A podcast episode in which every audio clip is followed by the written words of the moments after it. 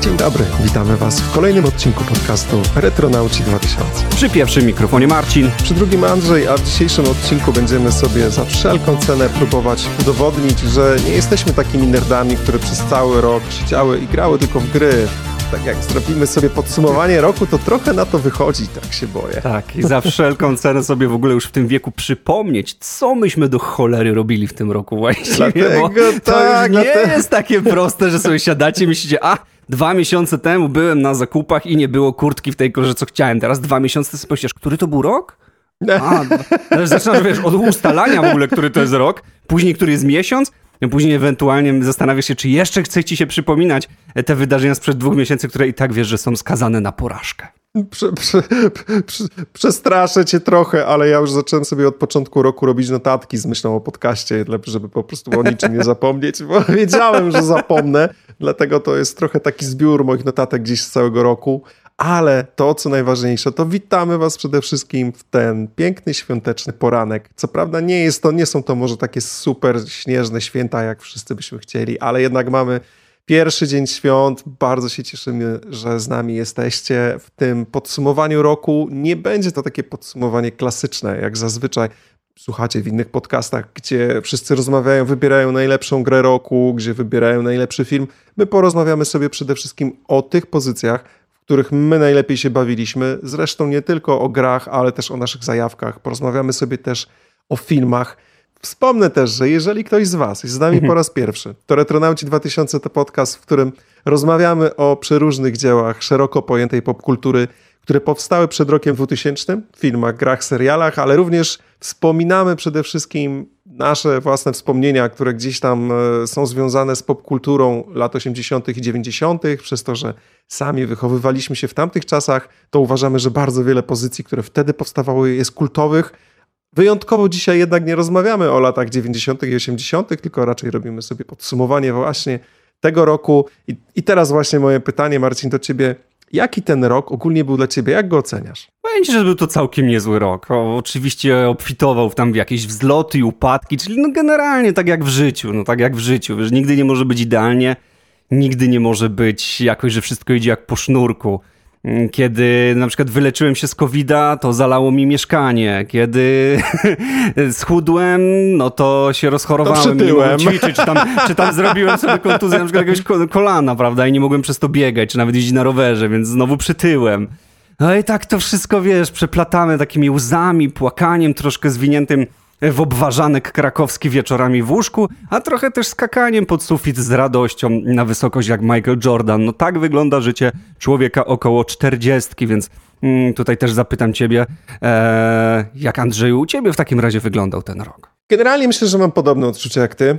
Ja jestem bardzo zaciekawiony tym, co się dzieje dookoła nas, bo uważam, że to był rok, który obfitował w ciekawe zmiany, nie tylko takie, które się dzieją u nas w kraju, bo gdzieś tej polityce też w tej chwili dużo się dzieje, obserwuję to z ciekawością, tak jak nigdy się polityką nie interesowałem, tak w tym momencie po prostu gdzieś to sobie wszystko obserwuję z boku i staram się też może zrozumieć, bo to jest ten moment, że ostatnio na przykład z moją narzeczoną e, oglądaliśmy do jedzenia obiadu, obrady Sejmu, co po prostu, ja pamiętam, że jak, jak e, moi rodzice robili coś takiego, jak byłem mały, no to to, to była dla mnie najnudniejsza rzecz na świecie. A. Jeszcze wiadomości generalnie skakały zawsze po różnych tematach, ale wiesz, ale to, to, tego się nie dało oglądać. I dorosłem do tego, że w tym momencie próbuję się zainteresować tym, co się dzieje, żeby zrozumieć pewne rzeczy, bo być może po prostu wcześniej miałem za bardzo to gdzieś i to gdzieś mi wszystko uciekało. Ale wiesz co? Zamówite, że tam na tym całym y, obradach Sejmu jest czat. Ten czat to tak troszeczkę, troszeczkę jest, troszeczkę go nie ma, bo pamiętam, że na początku był włączony, później go wyłączyli, bo tam małolaty oglądały i tam były komentarze, wiecie, tam jest pełna powaga Sejmu i tak dalej, a w komentarzach dawać pato stream, aaa, rozpierducha, wiecie o co chodzi, nie? No, jak to komentarze w internecie, no. Tak, dokładnie, ale wiecie o co chodzi? To są obrady Sejmu, a tam małolaty, wiecie, dawaj, dawać coś tam Kaczyńskiego, czy, czy tam po drugiej stronie, oczywiście tu nie wchodzimy w żadną stronę, ale wiecie, no jechali po jednych po drugich. No generalnie było, było bardzo śmiesznie. Wiem, że później YouTube wyłączył te komentarze i, i było, że nie można mm, komentarzy w ogóle udzielać. Natomiast wiem, że teraz z powrotem włączył i widziałem w ogóle Ale YouTube jakieś... w sensie, czy to byli, myślisz, że E, pracownicy... Administratorzy, administratorzy, administratorzy, tak, okej, jak okej. najbardziej kanału e, to zrobili. Znaczy- No i na przykład widziałem takie, takie akcje, że wiesz, że ktoś tam coś, coś, coś gada, że jechać, dawać, to ulubiony nasz pato stream, a tu nagle wiesz, konto polskiej policji, bo tam jest oznaczone jako, jako zweryfikowany, że bardzo prosimy o niewyrażanie się źle w komentarzach i, i wulgarne pisanie i wiesz, i smutna minka. Nie, no naprawdę, to państwo to jest mem. To państwo to jest mem. Policja prosi, będąc sama na czacie, wrzucając smutne minki, że prosimy nie łamać prawa i cichutko tam być, oglądajcie, nie? No to wiadomo, to był jak dla dzieciaków po prostu ogień na ich na ich słomę, która po prostu buchnęła płomieniami i tam się rozpoczęła jeszcze większa aferka, jeszcze większe śmiechy. No więc nie dziwię ci się, że oglądasz ten Sejm, bo tak naprawdę dużo się dużo działo, coraz bardziej to zaczyna przypominać igrzyska po prostu dla gawiedzi, które, które, które no czy jakiś właśnie taki patostream, niż jakieś takie stare obrady, jakie były kiedyś, gdzie tam wygłaszali. Więc nie dziwię ci się, że coś takiego sobie obejrzeć, bo i można się uśmiechnąć, i można się wkurzyć, no generalnie jak w serialu. No, powiem ci, że tak, a, a szczególnie jeszcze czytając komentarze. Znaczy w ogóle, wiesz, z komentarzami w internecie jest tak, że często są bardzo spolaryzowane na obie strony, w zależności od tego, czy daną...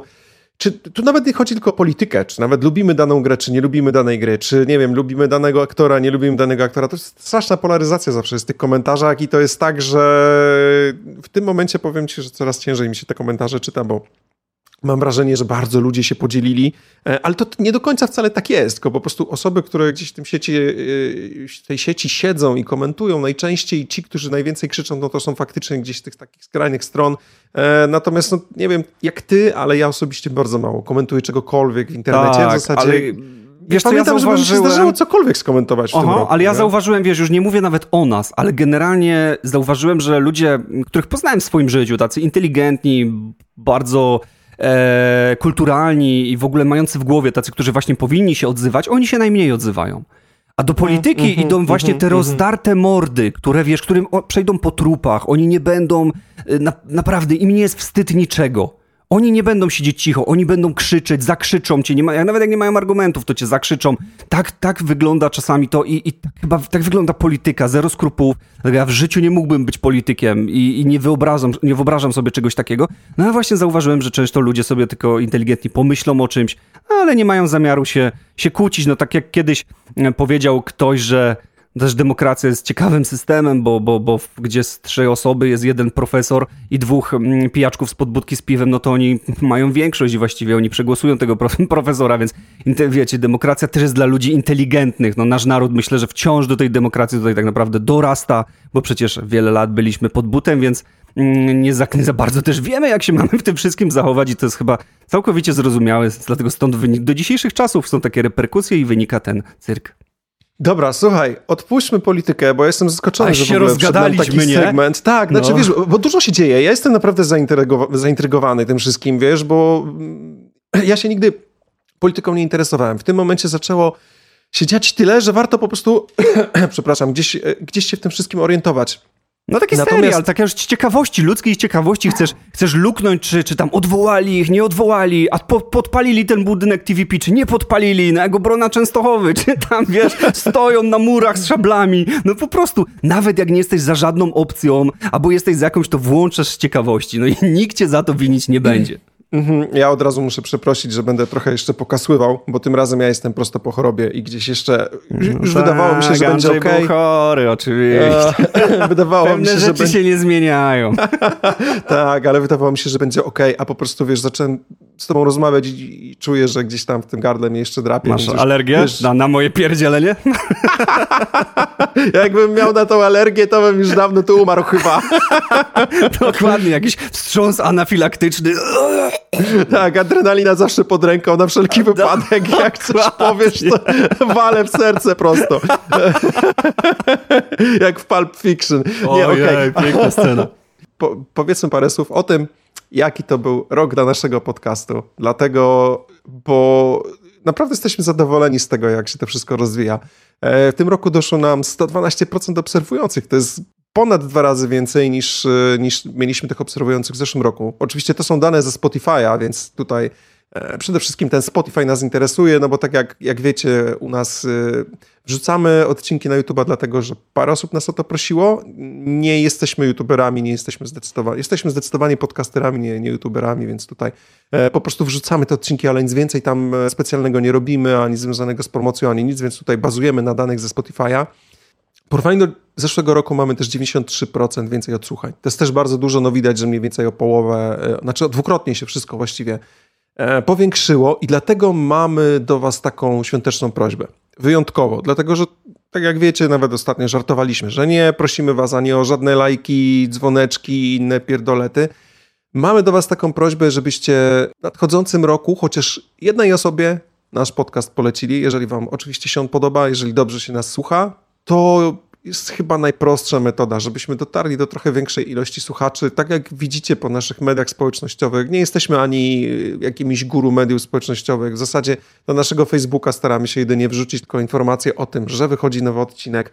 Nie robimy żadnych spamów, reklam, nie wciskamy wam się do lodówki i tak dalej, ale jedno polecenie, jeżeli jednej osobie każdy z was gdzieś nas poleci, to będzie nam, nam bardzo miło, bo to jest jedyny sposób właściwie, w jaki w tym momencie do, do ludzi docieramy. To są właśnie te polecenia, dlatego to jedno polecenie będzie dla nas bardzo istotne. No i jest już nas co, no już można by powiedzieć parę tysięcy się nas jakoś zebrało, tak. to już jest taka mała armia generalnie, żeby taką bojówkę retronautów już stworzyć to wy... nie, nie, bo od razu mi się tu w głowie znowu prezes stanął przed oczami. Za dużo tej polityki. Za dużo. To już nie, to już nie oglądajmy, do świąt już wystarczy. Ale wiesz co, e, zanim porozmawiamy sobie o grach, sam wspomniałeś, że to jest dobry rok o tym, żeby porozmawiać o zajawkach, dlatego że mhm. Pojawiła się pewna zajawka u nas właściwie w tym roku, o której nie zdążyliśmy jeszcze, znaczy może inaczej. Ja zdążyłem wspomnieć w ramach, na ramach podcastu. Ja zdążyłem cię wyśmiać. Ty zdążyłeś mnie wyśmiać, po czym na, nastąpiło coś bardzo dziwnego. I teraz ja muszę powiedzieć tak. Ja w tym roku zacząłem malować figurki do Warhammera. Zresztą nie tylko do Warhammera. Marcin mnie już wielokrotnie na łamach podcastu wyśmiewał, że ja zająłem się czymś takim, że jestem bardziej modelarzem, bo w zasadzie zamiast, zamiast grać w tą grę, to tak naprawdę tylko maluję sobie figurki. Śmiał się ze mnie bardzo energicznie i teraz ja muszę powiedzieć, że w momencie, kiedy mój kumpel mnie namawiał na to, że powiedział, słuchaj, zacząłem malować figurki, powinieneś zrobić to. Zresztą pozdrawiam cię bardzo serdecznie, Michał, ale y, y, ja sobie pomyślałem wtedy, chyba cię posrało żebym ja siedział z jakimś pędzelkiem i dziubał jakieś miniaturki, to jest w ogóle niemożliwe. Najgorsze jest to, że miesiąc później byłem zaopatrzony w farbki, pędzelki i malowałem figurki i po prostu sprawiało mi to niesamowicie dużo frajdy. Siedziałem przy tym bardzo zrelaksowany, odpuściłem kurczę, na naprawdę kawałek czasu odpuściłem sobie granie w jakiekolwiek gry, odpuściłem sobie konsolę, odpuściłem sobie peceta, nawet mojego kochanego Switcha, tylko siedziałem przy tych figurkach, zresztą do tej pory zdarza mi się to robić, na 5 minut przed nagraniem podcastu stałem po prostu od, od stołu, gdzieś tam odłożyłem pędzelek, dosłownie, mm, i, i naprawdę nie wierzyłem w to, że jemu uda się mnie przekonać. On co więcej, on w to nie wierzył. Myślę, że on był zaskoczony, stary, w momencie, kiedy nagle zauważył, że to chwyciło. I teraz uwaga, drodzy Państwo, ja jestem tak samo zaskoczony, że ten oto drogi Marcin, który siedzi po drugiej stronie mikrofonu, tak samo dał się wciągnąć w malowanie figurek. Jak to się stało? Tak, Wytłumacz. Tak, tak, tak. Też tutaj powiem wam, że, że, że tak na początku, jak taki dzieciak z piaskownicy, co stoi obok, patrzy się na drugiego, co ma jakieś zabawki i on się tak patrzy, wiecie, tak spod byka. Wcale bym takich nie chciał mieć. Nie, jak przed dupy to jest. Może i fajne, że i spoko, ale w ogóle kolega ma takie i się też nie chwali wcale, ja bym wcale nie chciał, nie? Ale wiecie, tak stoi, stoi, coraz bardziej taką zazdrością, a pokaż tą jedną figurkę, a daj. Później nie chce oddać, później się rozpłakał. no i tak, takie, tak właśnie generalnie wyglądało mnie. No ja pamiętam, że do Andrzeja rzeczywiście tak mocno, no i po co malujesz te figurki i w ogóle nawet grać nimi nie będziesz? No bo wiecie, Andrzej też jest taki, że on wskakuje z zajawki z zajawkę, ale ja to rozumiem. I, bo ja mam dokładnie tak samo. Boże, czym ja się w życiu nie jarałem. Po prostu jestem, przynajmniej znajomi, koledzy zawsze mówili o mnie, że jestem największym zajawkowiczem ever, że w ogóle w, w, styczniu grałem w karciankę jakąś Magic the Gathering, w lutym właśnie przeskoczyłem na Warhammera, E, w marcu generalnie jarałem się, nie wiem, trójbojem i w ogóle wiecie, ja już jestem taki, że ja wsiąkam w to maksymalnie, czyli generalnie jak już jarałem tym trójbojem, to już w ogóle kupiłem puty do trójboju, koszulkę, w ogóle prezentację, zacząłem oglądać, Co? Ale wiecie, ty, mistrzostwa ty, ty na serio Europy. teraz z tym trójbojem, nie, tak? Nie, nie, ale to A, tylko dobra, taki dobra. przykład, generalnie wiecie, z, ja, jak ja się czymś jaram, to już na poważnie, więc tak samo właśnie się to skończyło z z Warhammerem. No muszę wam przyznać, że Andrzej wysyłał mi te pomalowane figurki i wysyłał i tak... Kurczę, ja też byłem trochę modelarzem, bo ja sklejałem te wszystkie czołgi, mm, jakieś tam pojazdy z II wojny i zawsze mi się to podobało, tylko że jakoś nigdy mi to super nie szło i to malowanie, trzeba było mieć aerograf. Natomiast z tym Warhammerem, no to figurka jest malutka, to jest taki rodzaj mikropaintingu. Rzeczywiście te farbki i akcesoria są bardzo fajne. No nie trzeba, myślę się, tak bardzo namęczyć jak z jakimś wielkim czołgiem, który ma 500 części do sklejenia i to naprawdę są takie drobinki plastikowe, jedna ci pęknie w ręce i to już jest dramat, bo ona na, na, na tej, na przykład załóżmy, części się ma trzymać inna część i to już generalnie się tam posypało. Wiem, że modelarze sobie tak z tym radzą, że sobie już wycinają własne customowe plastikowe części, tam czasem jak coś pęknie, czy potrafią już to ogarnąć. No ja tego nie potrafiłem. Ja generalnie się wtedy denerwowałem, kończyło się sklejanie i tak dalej. Natomiast tutaj rzeczywiście te hipki składają się z czterech, pięciu części, właściwie wsadzacie wszystko na klik. No może w większych modelach musicie coś tam przykleić, ale to wiecie, to jest naprawdę przyjemne, wszystko do siebie ładnie pasuje, mm, nie musicie docinać ze specjalnie plastiku.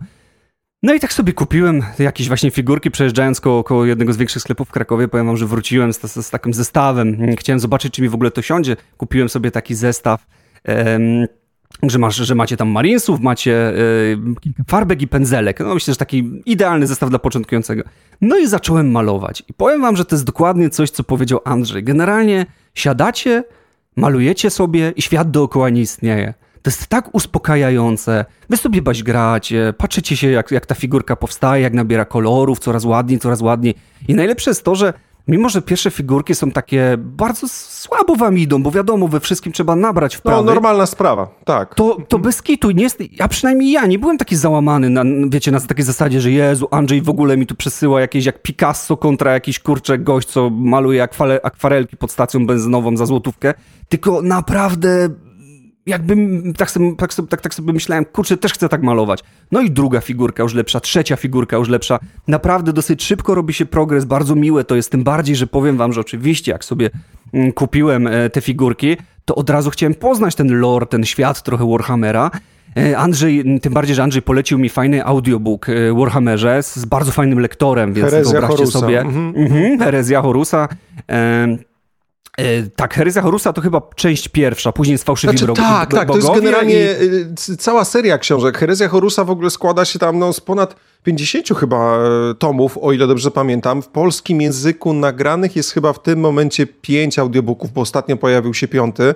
E, Chociaż też jeden z polskich podcasterów przeczytał je w takiej swojej wersji, one gdzieś były dostępne w pewnym momencie w sieci E, no powiedzmy to za darmo, tak, ale nawet na YouTubie można było odsłuchać. Pierwsze tam cztery części czy pięć części było właśnie prze, m, przeczytanych przez e, Wojtka, który ma, ma swój podcast. E, Wojtek czyta Warhammera i one przez jakiś czas po sieci sobie krążyły. W tym momencie są profesjonalnie nagrane przez profesjonalnych lektorów.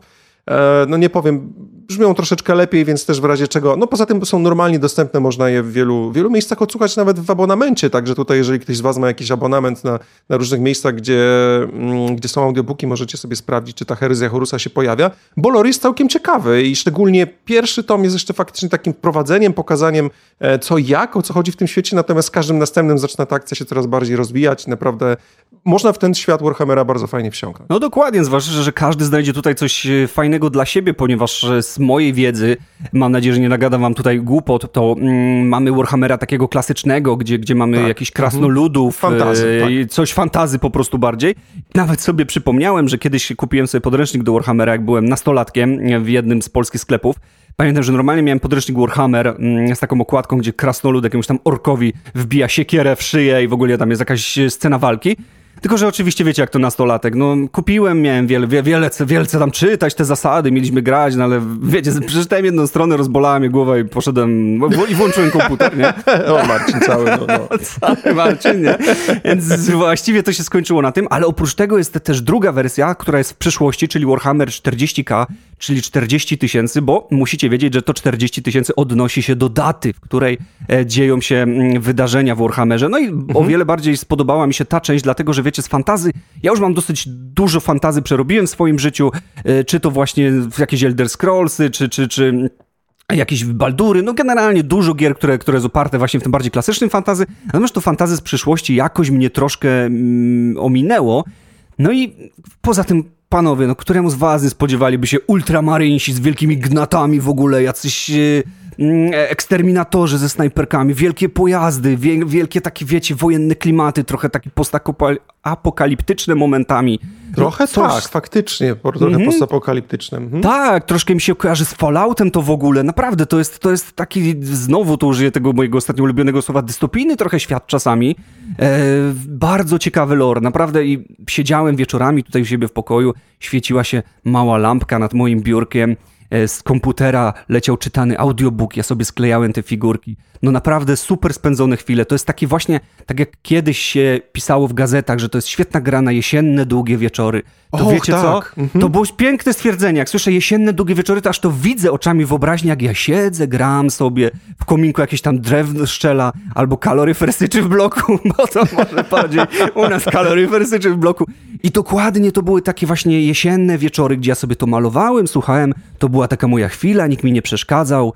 Coś cudownego, naprawdę każdemu z was polecam, tym bardziej, że jest bardzo dużo gier też z Warhammera. No akurat Warhammer chyba nie ma ze specjalnie mm, e, tutaj szczęścia do gier, natomiast chociażby mhm. ostatnie wychodzące jak Trader, do którego jeszcze tam później przejdziemy, to już są naprawdę porządne gry, czy chociażby Bolt Gun, czyli taki oldschoolowy e, boomer shooter, do którego też was zachęcam. Dlatego Warhammer 40k to coś wspaniałego, w ogóle odszczekuje swoje słowa tutaj, że malowanie figurek to, to, to, to, to jak możesz malować i nie grać. Oczywiście, że można, cudowna pasja, cudowna zajawka zajawka. Tym bardziej, że panowie w naszym, naszym wieku już powinni sobie jakieś hobby znaleźć.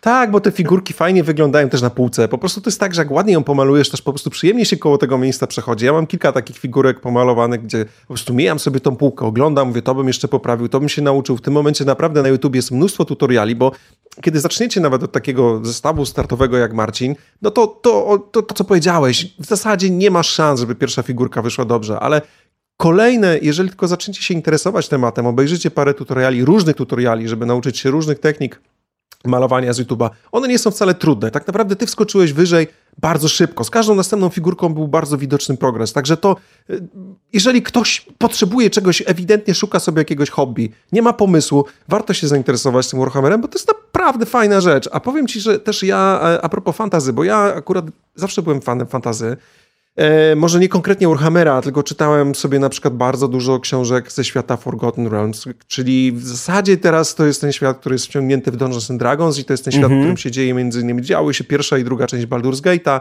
Mm, w Polsce wyszło bardzo dużo książek z tej serii, zresztą nie tylko z, akurat od nich było, były ciekawe książki jeszcze ze Smoczej Lancy, były bardzo ciekawe tytuły, były jeszcze, no oczywiście podstawy takie jak Tolkien i tak dalej. To jest to jest coś, co mnie zawsze interesowało. Ja w tym fantazy siedziałem bardzo mocno. W tym momencie zachęcony właściwie tym Warhammerem 40 tysięcy sięgnąłem sobie, żeby sprawdzić e, książki, które są z Warhammera fantazy. I muszę przyznać, że e, jest też bardzo fajnie. W tym momencie jestem w środku takiego cyklu Gotrek, Gotrek i Felix, czyli o takim krasnoludzie, który jest takim typowym, e, szorstkim, bardzo gburowatym krasnoludem, a podróżuje sobie z nim pewien człowiek, który obiecał, że mu spisze jego dzieje, albo opisze jego śmierć bardziej, gdyż Gotrek dąży do samozagłady w pewien bardzo taki śmieszny sposób, ale to już nie będę zdradzał bardziej mm, fabuły, natomiast y, też dwa pierwsze tomy są nagrane w formie audiobooków, drugi tom właśnie całkiem niedawno wyszedł w formie audiobooka. Książki też są oczywiście dostępne w formie papierowej. I też no tam ja jestem już gdzieś dosyć daleko w tym cyklu, chyba na siódmym czy ósmym tomie, Kurczę, naprawdę też y, fajna sprawa, dlatego jakoś ten rok dla mnie osobiście, jeżeli miałbym powiedzieć, jeżeli chodzi o zajawki, to tak jak poprzednie lata gdzieś pojawiło się na przykład u mnie to F1 chociażby, które też gdzieś udało mi się ciebie wciągnąć, to tutaj w tym roku zdecydowanie muszę przyznać prym, jeżeli chodzi o zajawki Warhammerowi i, i jest Oj, to tak, jedna tak, z tak. przyjemniejszych tak. rzeczy, jakie odkryłem w tym Tak, u mnie to samo. Myślę, że top jeden to jest Warhammer. Ja wam w ogóle przypomniałem sobie teraz, jak, jak Andrzej opowiadał o tych książkach, że wiecie dlaczego właściwie ja tak naprawdę się zajawiłem mocno Warhammerem? Stało się to po naszym, to był taki już punkt taki przełomowy, kulminacyjny. Pamiętam, że parę odcinków temu nagrywa, nagrywaliśmy wam odcinek o StarCraftie.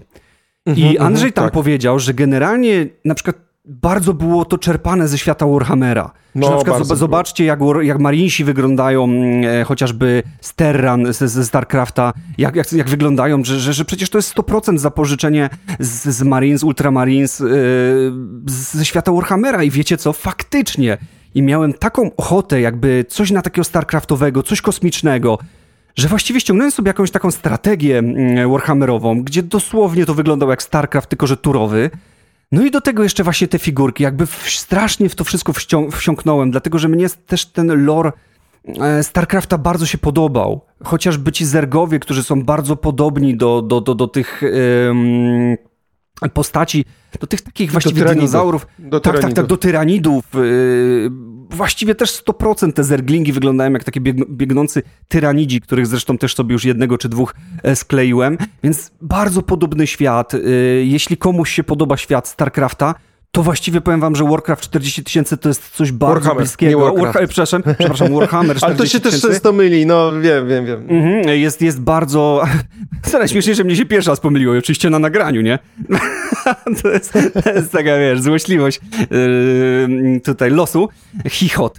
No i na, natomiast wiecie, więc jeśli komuś się to podoba, to myślę, że świat e, Warhammera 40 tysięcy też by bardzo się spodobał, spodobał, tym bardziej, że on jest jeszcze taki głęboki, bo tu jest ten cały mm, klimat tego, tego mm, właściwie Boga, właściwie tych jego prymarchów, jakby takich konfliktów moralnych. No jest tutaj naprawdę coś, myślę, że każdy znajdzie coś dla siebie i dotyczy to zarówno chłopaków, jak i dziewczyn. E, nie jest to jakieś takie typowo strasznie nerdowski lore, żeby naprawdę musieli się tylko mocni pinglarze tym interesować. E, myślę, że nawet tacy normalni ludzie, mhm. o, z tym normalni to bym tak e, kursywą powiedział, na, e, to mm, w tym coś znajdzie dla siebie naprawdę bardzo fajna sprawa i polecamy, tym bardziej to zresztą widać, że w świecie ten Warhammer się ruszył, bo przecież powstaje nawet film Warhammer 40 tysięcy ma po, powstawać i, i mm, tutaj reżyserem będzie kto? Znaczy nie wiem, czy on będzie reżyserem, on jest odpowiedzialny za całość, bo ma powstać zarówno film, jak i serial. E, ma być mhm. to Henry Cavill, iż Henry Cavill, iż były oczywiście wcześniej o tym plotki, natomiast teraz już mamy potwierdzone, że udało się dopiąć tak. tą umowę z Amazonem, bo to Amazon ma za całością stać. Trzymam kciuki, bo Amazonowi udawało się robić zarówno dobre, jak i kiepskie produkcje. Na pewno czekam no, chociażby na następny sezon e, The Boys, na czwarty sezon Boysów, bo po prostu uważam, że to jest świetny serial.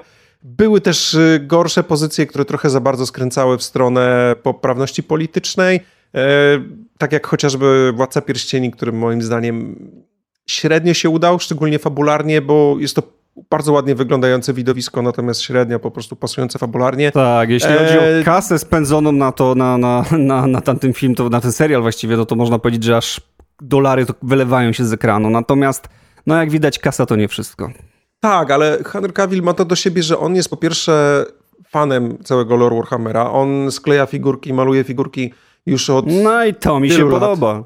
Tak, y, gdzieś tam można było na jego socjalach oglądać między innymi wizytę w, w, w siedzibie głównej Warhammerowskiej, więc widać, że on się naprawdę do tematu przykłada i jemu jakoś ufam, biorąc pod uwagę to, że mm, odszedł z planu Wiedźmina tak, Dlatego patrząc na to, co, co się tam dzieje tak, generalnie. Dokładnie tak, patrząc to na to, jak, jak to, dokładnie, jak to skręca, jak, jak przerabiana jest fabuła, która, której nie ma potrzeby przerabiać, ja już po prostu nawet nie chcę mi się denerwować i mówić po raz kolejny o, o, oddychaj, o serialu. Oddychaj, Andrzej, oddychaj. Nie, ale bo wiesz co... Andrzeja, wiecie, wystarczy iskra, wystarczy iskra i zaraz o się usłyszymy, nie? Więc spokojnie, Ale spoko. nie, wiesz co, o ile, o ile parę lat temu Netflix był takim synonimem jakości, tak w tym momencie, jeżeli słyszę, że czymś miałby się zająć Netflix, to takie, nie, tylko nie oni, tylko ale nie oni, bo każdy, chyba każdy tak ma, każdy ma takie głębokie uff. No, no, to jest niestety. No mimo wszystko popatrz, dalej ich ludzie oglądają, bo właściwie nie ma jakichś alternatyw. No bo tam jest dużo rzeczy po prostu. Różnych. No. No, Chociaż no. pojawiają się fajne rzeczy robione dla Netflixa, tak jak ostatnio mm, polski, polski serial w trochę sarmackich klimatach. Ale dobra, to nieważne. Potem sobie porozmawiamy o serialach, o filmach. E, pojawiają się rzeczy dla Netflixa, które są naprawdę niezłe. E, coraz więcej się w ogóle polskich ciekawych produkcji pojawia. To jest też bardzo cieszę, bo kiedyś to polskie kino czy polskie seriale, to raczej miałem bardzo słabe zdanie na ten temat. No wiecie, oprócz, oprócz Poranka Kojota i Chłopaków nie płaczą, które są moim zdaniem klasykami, to ciężko było znaleźć coś, coś no chyba, że jakieś stare też takie filmy, już klasyki. Ee Chociaż no nie dla każdego, o... na przykład dla mnie Miś jest klasyką, ale podejrzewam, że młodzież już tak nie do końca chyba to zrozumie. Sobie myśli, no to takie denne żarty, tylko najlepsze jest to, że to nie było żarty, tylko rzeczywistość praktycznie, więc to jest ciężko to trochę zrozumieć, nie? Tym bardziej, że wtedy istniała cenzura, więc nie mogli tego powiedzieć takiego wszystkiego wprost. To trzeba było się wychować w tamtych czasach. Ja dlatego też ja podejrzewam, że jakbym zobaczył jakieś widowisko z, z 1800 któregoś, no nie do końca mógłbym zrozumieć, co się tam dzieje, jakie jest w ogóle przesłanie, tego nie do końca mogłbym się pokazać. No jednak są pewne dzieła, które dotyczą bardziej naszych czasów, ale dobra, może już dosyć o tym Warhammerze, bo właściwie o, pierwsze oczywiście, pół godziny nawet go spędziliśmy. Tak, pierwsze pół godziny spędziliśmy mm, tutaj przy Warhammerze, ale to chyba powinno wam pokazywać, jak bardzo jest ten temat dla nas istotny, jak bardzo go dla was zachęcamy, bo naprawdę uważam, że polecanie fajnych rzeczy to coś, co się powinno robić obligatoryjnie. To nawet nie jest to, co chcemy, Koniecznie, my to tak. powinniśmy to robić, dokładnie. W ogóle w tym roku też e, dużo właściwie, jak sobie, tak sobie myślę, to był dosyć mocny rok pod kątem AI. To był bardzo mocny rok, jeżeli chodzi o AI. Powiem ci, że e, pamiętam jak rok temu, mniej więcej właśnie w podobnym czasie, gdzieś w okolicy grudnia, leżałem sobie w łóżku i pokazywałem e, mojej narzeczonej Zobacz, zobacz, patrz, to wygenerowała sztuczna inteligencja, to ten, tutaj gdzieś ten obrazek. I pamiętam, jak wpisywałem pewne hasła, które były y, takim trochę testem. Ja miałem, ja miałem jako test y, hasło, pamiętam, samochód chyba Formuły 1 jadący po pustyni, bo wiedziałem, że będzie to dosyć nietypowe i coś tam można było się domyśleć. Wiesz, że po prostu, no widać, że to jest chyba pustynia, można było powiedzieć, że to chyba jest samochód, że to są chyba koła, trochę faktycznie przypomina bolid Formuły 1. I w zasadzie mówię, kurczę, no jestem pod wrażeniem, bo to naprawdę ładnie artystycznie wygląda, jest to, to się całkiem ciekawie rozwija, ciekawe. No tak, ale oczywiście wiadomo, że no, nigdy nie, nie będzie w stanie narysować wszystkiego poprawnie. Po czym jesteśmy rok później, i w zasadzie nie tylko możemy rozmawiać o, e, o sztucznej inteligencji, która generuje obrazy, ale o też mm, o tej, która przede wszystkim z nami rozmawia. No te, rozwój sztucznej inteligencji w tym roku był niesamowity. To jest coś, co ja bardzo mocno śledzę, bo po prostu jest to fascynujące. Naprawdę nie spodziewałem się, że to może aż tak się rozwinąć, przede wszystkim w tak krótkim czasie, że e, różnice między tym, co mieliśmy rok temu, a tym, co mamy w tej chwili, jest to ogromna różnica. Wydawało mi się, że ten próg, który osiągnęliśmy rok temu, jest nie do przeskoczenia i że podejrzewałem, że raczej już to dalej nie pójdzie. Okazało się, że poszło mm, i że różne ogromne korporacje, chociażby jak Google, który gdzieś też wypuścił swojego barda, inwestują coraz większe pieniądze w rozwój tej sztucznej inteligencji. Pytanie, czy dalej te, ten rozwój będzie finansowany, bo tutaj wydaje mi się, że ten próg jesteśmy jednak w stanie dużo dalej przesunąć, tylko wszystko się oczywiście rozbija o finansowanie, które mm, żeby było finansowanie, musi być zapotrzebowanie, czyli po prostu musiałoby się okazać, że my tej sztucznej inteligencji naprawdę potrzebujemy. I o ile na przykład na Bingu bardzo często zdarza mi się pytać o różne rzeczy i widzę, że on faktycznie jest w stanie mi podsunąć pewne rozwiązania albo łatwo jakąś informację mi znaleźć. Ta sztuczna inteligencja z Binga jest oparta na czacie GPT. O tyle ja bardzo mało korzystam z Barda googlowskiego, bo mam wrażenie, że on nie do końca jednak działa tak, jakbym chciał. E, I... Ja się w ogóle, przepraszam, że tak ci jeszcze przerwę, w ogóle przerzuciłem się, muszę wam powiedzieć, ostatnio na mm, e, przeglądarkę, która się nazywa Edge, e, czyli przeglądarkę po prostu Microsoftową. Ona ma tam wbudowanego czata GPT-4. E, powiem wam szczerze, że współpraca z tą przeglądarką, mimo że czasami jeszcze wyniki wyszukiwania Binga są troszkę gorsze niż jednak Google'a, to powiem wam, że ten wbudowany czat, który jednym kliknięciem można z paska aplikacji, mm, czy tam paska narzędzi, tak to nazwijmy, wybrać po prawej stronie i po prostu go od razu otworzyć i pytać sobie go, a z jednej strony samemu sobie coś tam, yy, no, użyjmy już tego słowa, googlać, chociaż to tak naprawdę edge'ować po lewej, czy bingować po lewej stronie na własną rękę, to jest coś niesamowitego i naprawdę, o ile zawsze pierwsze co się robiło, to odinstalowywało się Internet Explorera i instalowało się Chroma, tak, Och, teraz cholera poszło wam, w drugą stronę. No. Teraz powiem wam, że ja niekoniecznie ustawiłem sobie jako główną przeglądarkę mm, tutaj Edge'a i naprawdę używam go i jest bardzo, bardzo dobry i każdemu go tutaj zachęcam do, do sprawdzenia tego. Poza tym chociażby dlatego, żeby nie dawać mon Google'owi monopolu na dostęp do treści informacji, bo jak wiemy, monopole nigdy nie są dobre. No, ja też coraz więcej z Edge'a korzystam bo znaczy wiesz, no baza tej przeglądarki jest bardzo podobna. Jest tam pod spodem silnik jest, wiesz, praktycznie niemalże identyczny, no może nie niemal, ale jest bardzo podobny. E, w zasadzie są te same bazy, tylko mm, co więcej, tam masz dostęp po prostu do tego, do tego czata GPT wersji 4, który przede wszystkim sam szuka sobie pewnych informacji w internecie, których ty szukasz, więc ci ułatwia jednak, upraszcza albo przyspiesza to szukanie. Druga sprawa, bardzo fajny generator obrazów, też jest e, dołączony tam razem do, do właśnie do Binga. Więc ten generator obrazów jest naprawdę niezły. Ja sobie generowałem z ciekawości różne obrazy związane właśnie z Warhammerem i tak dalej. No powiem ci, że wyniki są absolutnie niesamowite. To w tym momencie możesz, wiesz, określić styl, coś, dać naprawdę długi prompt.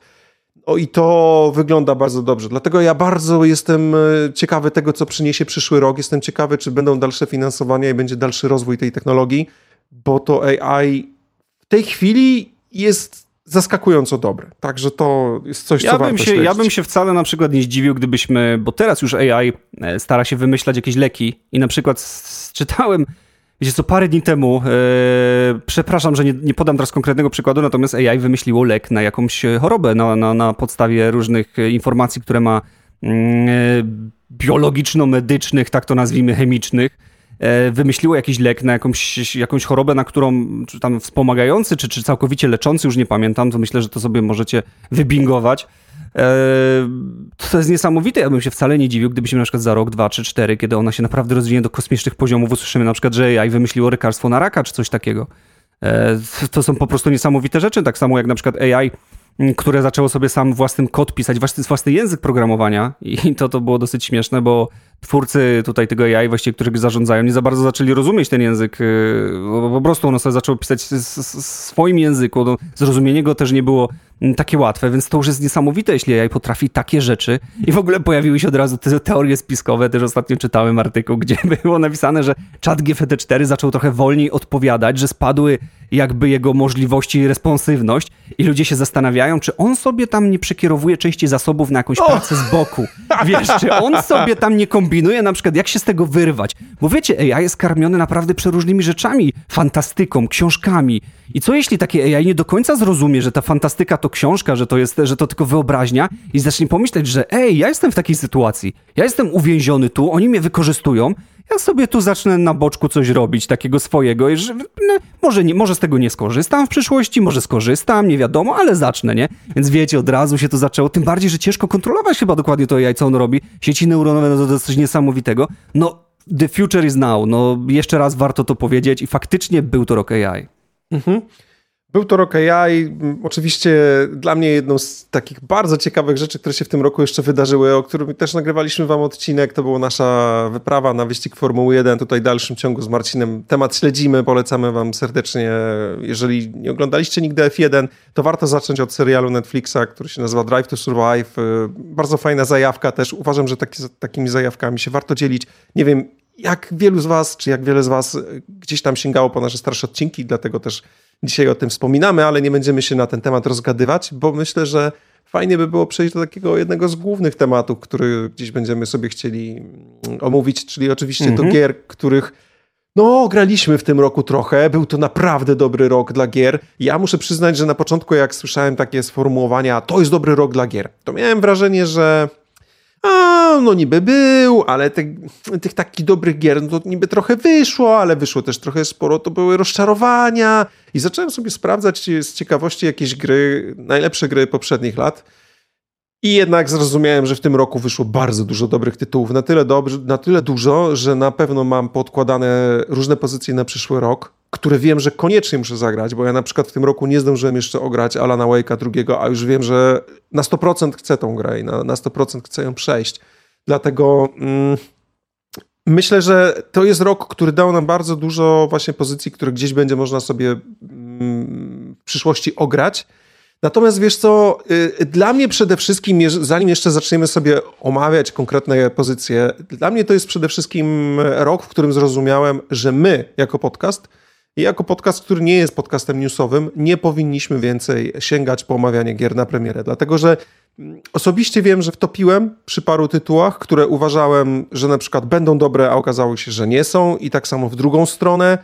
Tak samo jak kiedyś e, byłem zły na Baldura na podstawie tego, co widziałem w, w Alfie, znaczy właściwie we wczesnym dostępie, tak? A, a tutaj jednak okazało się że sumarycznie, że twórcy troszkę nas tak, wiesz, oszukali, znaczy nie oszukali, ale... Ale tak, wiesz, to też nie jest do końca takie wcale złe, dlatego że chociażby tutaj na przykładzie tego Baldura, to poprzez tą taką mocną krytykę, że Baldur 3 to nie jest Baldur 3, tylko to jest Divinity Original Sin 3, bo dosłownie to była kopia. Jeśli ktoś z was, ktoś z was grał w Divinity Original Sin, świetny w ogóle RPG, no to wie dobrze, że Baldur 3 to był wtedy Divinity 3. Szczerze to ja wam powiem, że jak dla mnie, tak wam powiem po cichutku, że to jest dalej Divinity trochę 3, ale już mniej. Jest to bliżej Baldura i stało się to właśnie dlatego, że na, na twórców tutaj wylała się dosyć mocna krytyka, że no nie, no to dajcie nam Baldura, a nie Divinity 3 i oni zaczęli w kierunku tego Baldura coraz bardziej skręcać, więc myślę, że takie troszkę popłakanie sobie, że już nawet na, pod, na podstawie jakichś wczesnych alf,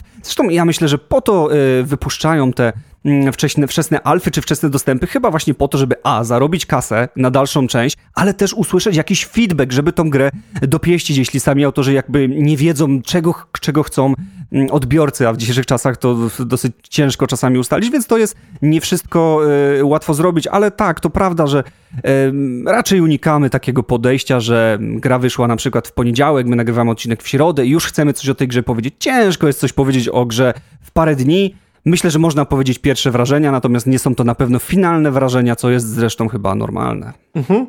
Powiem ci, że mam jeszcze jedno przemyślenie na temat tego roku, a mianowicie takie, że bardzo dużo tytułów AAA, które wychodzi, są w tej chwili mocno powtarzalne. Tutaj będziemy na pewno rozmawiali o tym trochę więcej w kategorii największych rozczarowań growych roku. I mam wrażenie, że w tym momencie gry są trochę za bardzo idą tym samym torem, za bardzo jedna z drugiej próbuje czerpać. Dlatego ja osobiście e, w tym roku grałem w bardzo dużo indyków. To już nie tylko wynika z tego, że po prostu lubię grać na Switchu, a tam na tym Switchu, no głównie tak naprawdę gdzieś te indyki w tym momencie można ogrywać. Bo, bo tylko one chodzą. Tak, no, no trochę tak jest. Zobaczymy, co będzie w przyszłym roku, ale to też o tym potem, o nowym Switchu.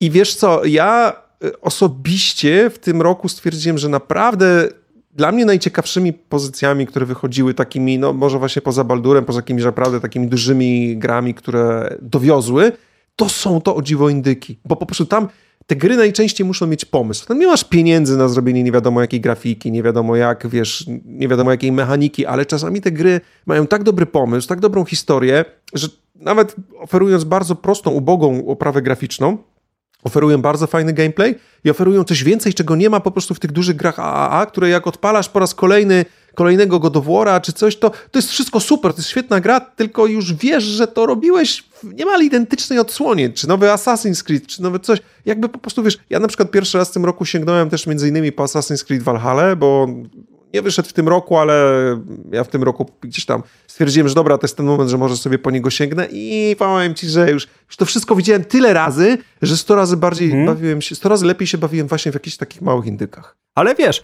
Tutaj też na przykład yy, nawet jest jedna gra AAA, która dała innym właściwie grom stryczka w nos i pokazała, że warto się starać, a mianowicie Baldur's Gate 3, który naprawdę jednak, mimo że ja trochę się tak wyśmiewam, że to jest Divinity 3, to naprawdę starania autorów tutaj były tak ogromne. Właściwie w tej grze, w tą grze włożono tyle pracy, tyle serca.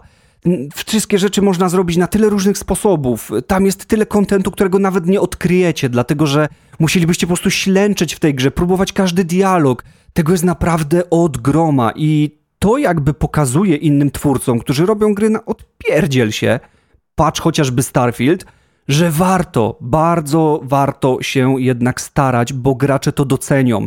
My naprawdę nie jesteśmy jakimiś owcami bezmózgimi i potrafimy zauważyć, że napracowanko zobaczyć i pomyśleć, fajnie, widzimy, że się napracowaliście, dam za tą grę 250 zł, gram, nawet, dam nawet za nią 300, bo nie robicie ze mnie wała.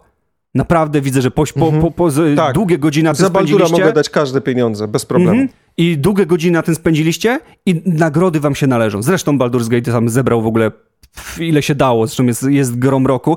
I to mi się bardzo podoba, taki pstryczek w nos, bo pewne studia usiadły już po prostu na laurach, wydają takie gry, jakby one mogły być w sumie dodatkami, a nie, a nie, a nie osobnymi częściami. W ogóle coraz więcej się pojawiło remake'ów, zauważcie, jakichś remasterów, bo właściwie nie ma pomysłu na nowe gry. Jesteśmy trochę w kropce. Wydaje się, jakby wszystkim się ludziom już wyczerpały pomysły z głowy, więc warto, warto się starać, warto myśleć. Yy, nawet wśród tych twórców a zostanie to docenione. No a indyki, indyki rządzą się właściwie swoimi prawami, no bo taki gość z garażu domorosły, czy tam w pokoju programista uważam, że tacy ludzie nieskażeni jeszcze taką branżą grową, oni zawsze mają świeże pomysły i, i, i te świeże pomysły są przelewane właśnie w, w postaci takich indyków, w które wszyscy namiętnie gramy, dlatego ten mm, typ gry tak się rozrósł i jest to no, zupełnie zrozumiałe.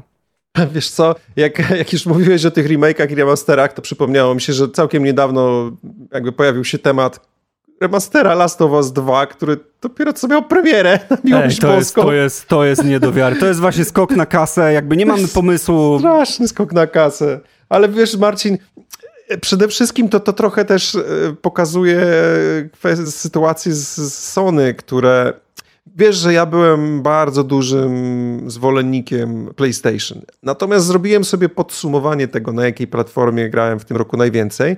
I oczywiście okazało się, że ja PlayStation prawie w tym roku nie włączyłem. Dlatego ja głównie, samo. bo po prostu e, PlayStation było, miało być dla mnie konsolą, która przede wszystkim dowozi te wszystkie e, ekskluzywy.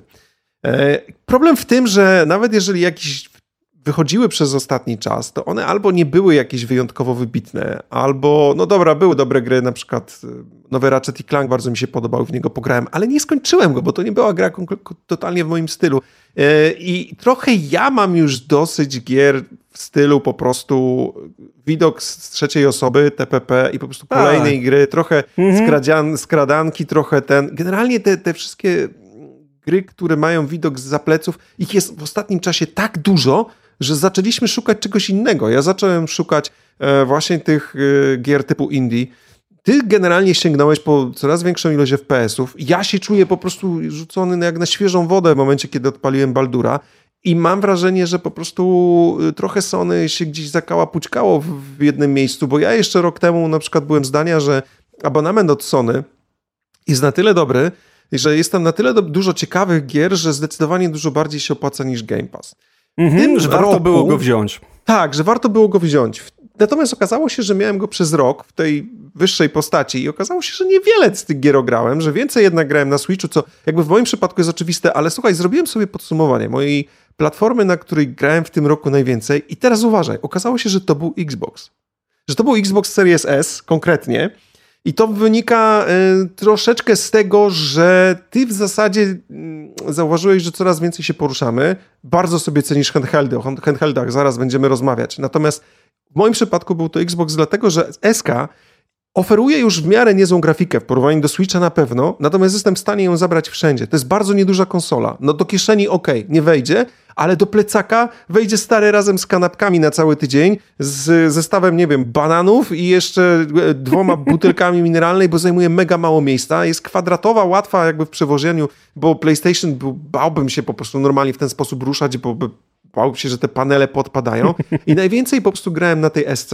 Mm, w tej chwili też Baldura przechodzę głównie właśnie na tym Xboxie. W ogóle kurczę, okazało się, że jak zrobiłem podsumowanie tego wszystkiego, to najwięcej właśnie w tym roku grałem na Xboxie, głównie ze względu na to, że, y, że jestem w stanie tą konsolę przenosić. I co więcej, okazało się, że właśnie jest tam w Game Passie jest dużo indyków, które na początku miałem takie e, e, po czym jak zacząłem sięgać po te gry, między innymi na Switchu, a teraz też między innymi w Game Passie, okazało się, że tam jest bardzo dużo ciekawych tytułów, które normalnie bym nie zagrał, ale nagle okazało się fajnymi grami. I powiem ci szczerze, że trochę zaczynałem się przestawiać z tego obozu Sony, który ja dalej bardzo cenię sobie Playkę, uważam, że robią świetne gry.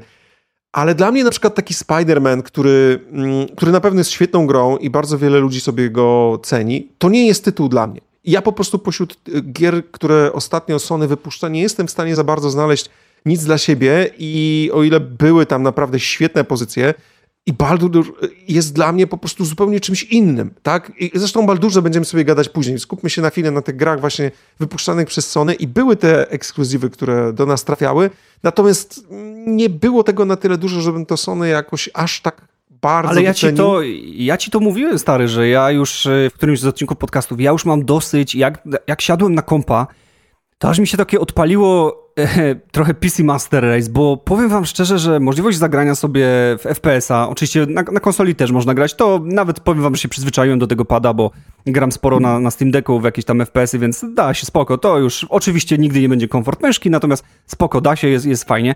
Ale wiecie, zobaczyłem jakieś gry rzutu właśnie jakieś strategie, izometryki, jakieś inne, jakieś inne ciekawe tytuły. Kontra Playka, gdzie w co ja grałem? Dobra, Dead Space Remake, no TPP, świetna gra, fajnie zagrałem, bo Playka się do tego nadaje. ESO, no też tam popykałem, TPP, no fajnie się do tego nadaje. Yakuza Like a Dragon, no TPP, fajnie, Playka się do tego nadaje. Koniec. Ja nie zagrałem nic więcej na PlayStation. Ja, ja nie odpaliłem Playki, powiem wam, od miesiąca. Ja nawet nie mam co tam zagrać. Okej, okay, jeszcze w Diablo 4 zagrałem na Playce, bo faktycznie się fajnie poruszam i tym padem, już trochę, trochę tego klikania tym tą myszką e, mi się odechciało. Natomiast więcej... E, na PlayStation nie odpaliłem i powiem wam, że już troszkę nudzi mi się ten sam typ gry, ogrywany w kółko, tak jak Andrzej mówi, e, jakieś tu trochę elementy skradanki, tu asasyna, tu się szczela z łuku, a tu z broni, ale to wciąż jest to samo. Jakieś to wszystko wtórne i takie, no naprawdę, chętnie sobie zagrałem w karciankę jakąś, e, chociażby sobie odpaliłem e, ten, ten blizzardowy Heart, Hearthstone. Hearthstone, dokładnie, chciałem powiedzieć Heart of the Swarm. Ja odpaliłem sobie Hearthstone'a, zagrałem sobie w karciankę. Szukam, czy Inscription na przykład, też świetna, e, świetna karcianka. Mm-hmm, um, tak. Czy na przykład Dread, gdzie tam to jest taka gierka, gdzie poruszacie się w takim mm, Lovecraftowym E, tajemniczym klimacie, taką, taką łódką i Ach, tak, tak no to, to, też o tym będę chciał potem tak, porozmawiać. Tak, tak, to o tym powiem. Natomiast szukam, szukam, czy, czy w jakimś Metroidvanie na przykład, szukam naprawdę czegoś innego niż TPP, które się wylewa z PlayStation 5 na każdym po prostu kroku i ja nie widzę tam nic ciekawego, no tym bardziej, że też ostatnio czytałem artykuł, dlaczego Sony tak robi. No na przykład y, wiem, że oni te gry AAA, które są produkcji Sony, po prostu wyprodukowane przez ich studia, jeśli oni dodają je do abonamentu, no to ich sprzedaż oczywiście od razu spada w sklepach wersji pudełkowych, a oni na nich zarabiają kosmiczne pieniądze. E, tam czytałem jakieś podsumowania, że jak się zapomniałem, jak się nazywa ta gra z tą taką laską, co biega z łukiem. Taki, taki mega fajna giera na PlayStation 5 od studiów e, Sony. O, pewnie nie pamiętasz w tym momencie. Ona też na VR jest. A, mówisz o Horizonie. Horizonie, dokładnie. E, na przykład do, dodali Horizona do Game Passa i Sony obliczyło, że straty na tym, że dodali e, do game, nie do Game Passa, przepraszam, e, właściwie to też jest Game Pass? Nie, nie, nie to, jest, to... jest ich abonament, tak. To jest ich abonament, sorry, bo, bo, Game Pass, no bo Game Pass to jest taka generalnie taki mój skrót myślowy, taka ogólna nazwa, natomiast to, to, to no, jest chyba tak. od Xboxa, u nich się to nazywa Game Pass. Okay, nie, Game tak. Pass to jest tylko u Xboxa, tak, tak, u oni Xboxa. mają no. No to w takim razie w abonamencie Sony, o tak to nazwijmy, jak to dodali, to stwierdzili o tym, że sprzeda- znaczy zobaczyli na wykresach, zresztą widziałem te wykresy faktycznie w jakimś tam artykule, że faktycznie te, te, te wykresy, na wykresach sprzedaż pudełkowa spadła totalnie. No a wiadomo, że w pudełku to kosztowało z 350 zł, no w Game Passie to kosztuje no, no, no tyle co Game Pass, dokładnie, w, w PS Plusie e, to kosztuje tyle co, co, co, co PS Plus stracili na tym, obliczali tam około 100 milionów dolarów, więc o czym my tu mówimy? Więc nie chcą dodawać tych gier AAA. Xbox z kolei od razu dodaje te gry AAA, chociaż Baldur, powie, został zapowiedziany studio, którego wydało, powiedział, że nie, nie, nie, ta gra jest za dobra, żeby go dodawać do jakiegoś Game no Passa. No tak, tak, tak. Więc faktycznie na tym Sony nic nie ma i powiem wam szczerze, to jest dla mnie smutne i jedyne co widzę to na Sony wychodzi, no co, Slim, niedługo Pro, Fajne, fajnie by było, jakby jakaś gra wyszła ciekawa, a, a nie wersja Slim. No jakoś nie mam w ogóle co grać na tej playce i tak samo właściwie playki nie włączam. Czy wiesz, to bardziej się... playka po prostu idzie w, ten sam, w tą samą stronę, bo zobacz, na pewno są ludzie, którzy bardzo sobie cenią ten typ rozgrywki i o ile mnie on się znudził, bo wiesz, ja mam też konsolę, można powiedzieć, że na Playce gram dużo od momentu, kiedy pojawiła się piątka, bo czwórki nie miałem, miałem trójkę, dwójkę, jedynkę, ale to jest trochę inna bajka, bo to były zupełnie inne czasy. E, w każdym razie mm, też jej nie miałem na premierę, też używałem ich bardzo mało, bo wtedy byłem zdecydowanie pecetowym graczem. W tej chwili piątkę postawiłem jako ten numer jeden, że w tym momencie ja trochę od peceta sobie odchodzę, zaczynam grać więcej na konsoli. I na początku byłem bardzo z tego zadowolony. I wiem, że tam są mocne tytuły, bo na przykład nowy Spider-Man jest świetną grą, tylko po prostu on nie jest grą dla mnie. Mnie już się to przejadło. Mnie ogólnie stylistyka Spidermana, o ile kochałem komiksy, ja po prostu uwielbiałem, to były moje ulubione komiksy, jak byłem dzieckiem. Miałem najwięcej komiksów to właśnie na temat, y, właśnie o Spider-Manie, to miałem najwięcej tych wszystkich komiksów, które gdzieś tam zbierałem. O tyle mm, filmy i gry jakoś po prostu trochę mnie obeszły szerokim łukiem. Już dziś ten Spider-Man mi się po prostu przejadł. E, co nie zmienia faktu, że gry są świetne. Dwójka jest bardzo dobrym tytułem, ale ja go nie ograłem, dlatego że po prostu już mi się to przejadło, potrzebuję czegoś innego. I dlatego właśnie ten Switch z tymi wszystkimi grami indie, czy w tym momencie Xbox, którego mogę sobie zabrać wszędzie i zagrać w inne gry, które są dużymi grami, no bo na przykład Baldur po prostu w tym momencie pojawił się, no na, już jest w tej chwili na wszystkich platformach. Są takie gry, które mhm. na przykład Alan Wake jest na wszystkich platformach. Ja przez to, że dużo się poruszam, e, jestem w stanie sobie tego Xboxa wrzucić po prostu w torbę i, w zasadzie nic więcej nie potrzebuję, bo też przede wszystkim plusem gorszego pada, gorszego, zdecydowanie gorszego pada niż ten, który jest od PlayStation, jest to, że jest na paluszki i te paluszki trzymają bardzo długo w stosunku do pada PlayStation. Tak naprawdę, jak sobie naładuję takie paluszki, to mam co najmniej parę dni grania, więc y, tutaj też jest to kolejnym dla mnie jakimś plusem takiej mobilności tego, że zabieram sobie sprzęt, który po prostu w trakcie kilkudniowego Mhm. wyjazdu po prostu mogę, mogę bez problemu Ja używać. Myślę, że Xbox się mocno odbił od dna, bo był też troszkę na takim dnie jak, jak PlayStation. No właśnie Może nie, dnie, bardzo, właśnie o rynkowo nie bardzo. Problem Mhm. w tym, że oni się właśnie nie, nie tylko nie odbili od dna, ale w tym momencie można było powiedzieć trochę po tym nie szorują. Natomiast ja osobiście uważam, że trochę niesłusznie. Biorąc Mhm, pod tak, uwagę wiesz, wiesz, może, może nie chodzi o sprzedaż, może właściwie nie chodzi mi o sam rynek, jak, jak o, e, o tą taką świeżość, którą troszeczkę Game Pass próbuje zaoferować, jak i w ogóle sam Microsoft. Zresztą nawet chociażby ta konsolka e, handheld, który, który, który wyszedł, czyli Rogalaj, on ma, chociażby teraz jak sobie wej- wejdziecie do sklepu Asusa, mm, no to e, zobaczycie, że ma tam Game Passa za 3 miesiące za darmo, więc Game Passa możecie również używać nie tylko na Xboxie, przecież ale na komputerze, ale na handheldzie. Więc Tak. jakby te macki tutaj tego Game Passa się naprawdę mocno obwijają, a PlayStation zostało sobie z tym właściwie swoim PlayStation Passem, zostało z tą przenośną Plusem. konsolką, zostało, zostało sobie tą, z tą przenośną konsolką, która właściwie nie wiem czym ma być, jakimś streamingiem po prostu, jak, jak No rozumiem, tak, no że jak, jest- rozumiem, że jak żona nie pozwala do telewizora, bo ogląda tam na wspólnej i stłamszony mąż już tam prawie szlocha, to sobie bierze to i rozumiem, że gra i siedzi obok telewizora, czy tam idzie do pokoju obok, no bo pr- Tak, prawdziwa playka tak, musi być tak, włączona, żeby to działało, więc to jest chyba tylko Tak. po to, bo nie wiem, kto chciałby grać sobie na tym, skoro ma przed sobą moż możliwość zagrania no, Wiesz normalnie. co, no, e, na powiem ci tak, wejdę ci w słowo. E, Korzystam z podobnej funkcji, faktycznie w sytuacji, kiedy na przykład idziemy spać i ja bym jeszcze chciał sobie chwilę pograć, ale muszę ten telewizor wyłączyć.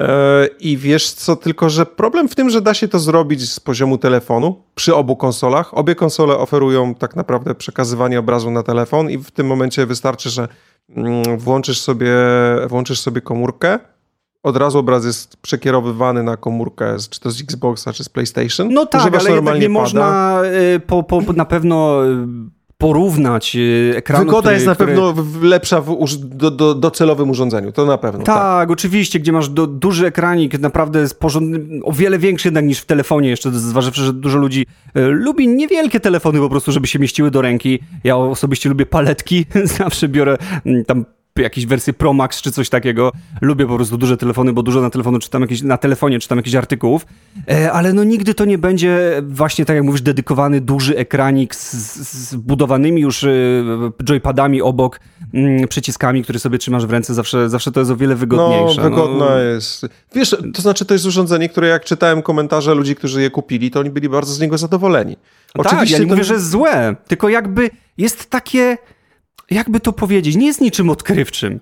To jest takie trochę jakby właśnie danie stłamszonym mężom. Wasza żona często zajmuje telewizor? Macie, możecie grać na swojej playce. To nie jest No. przełom, to nie jest krok w stronę gwiazd.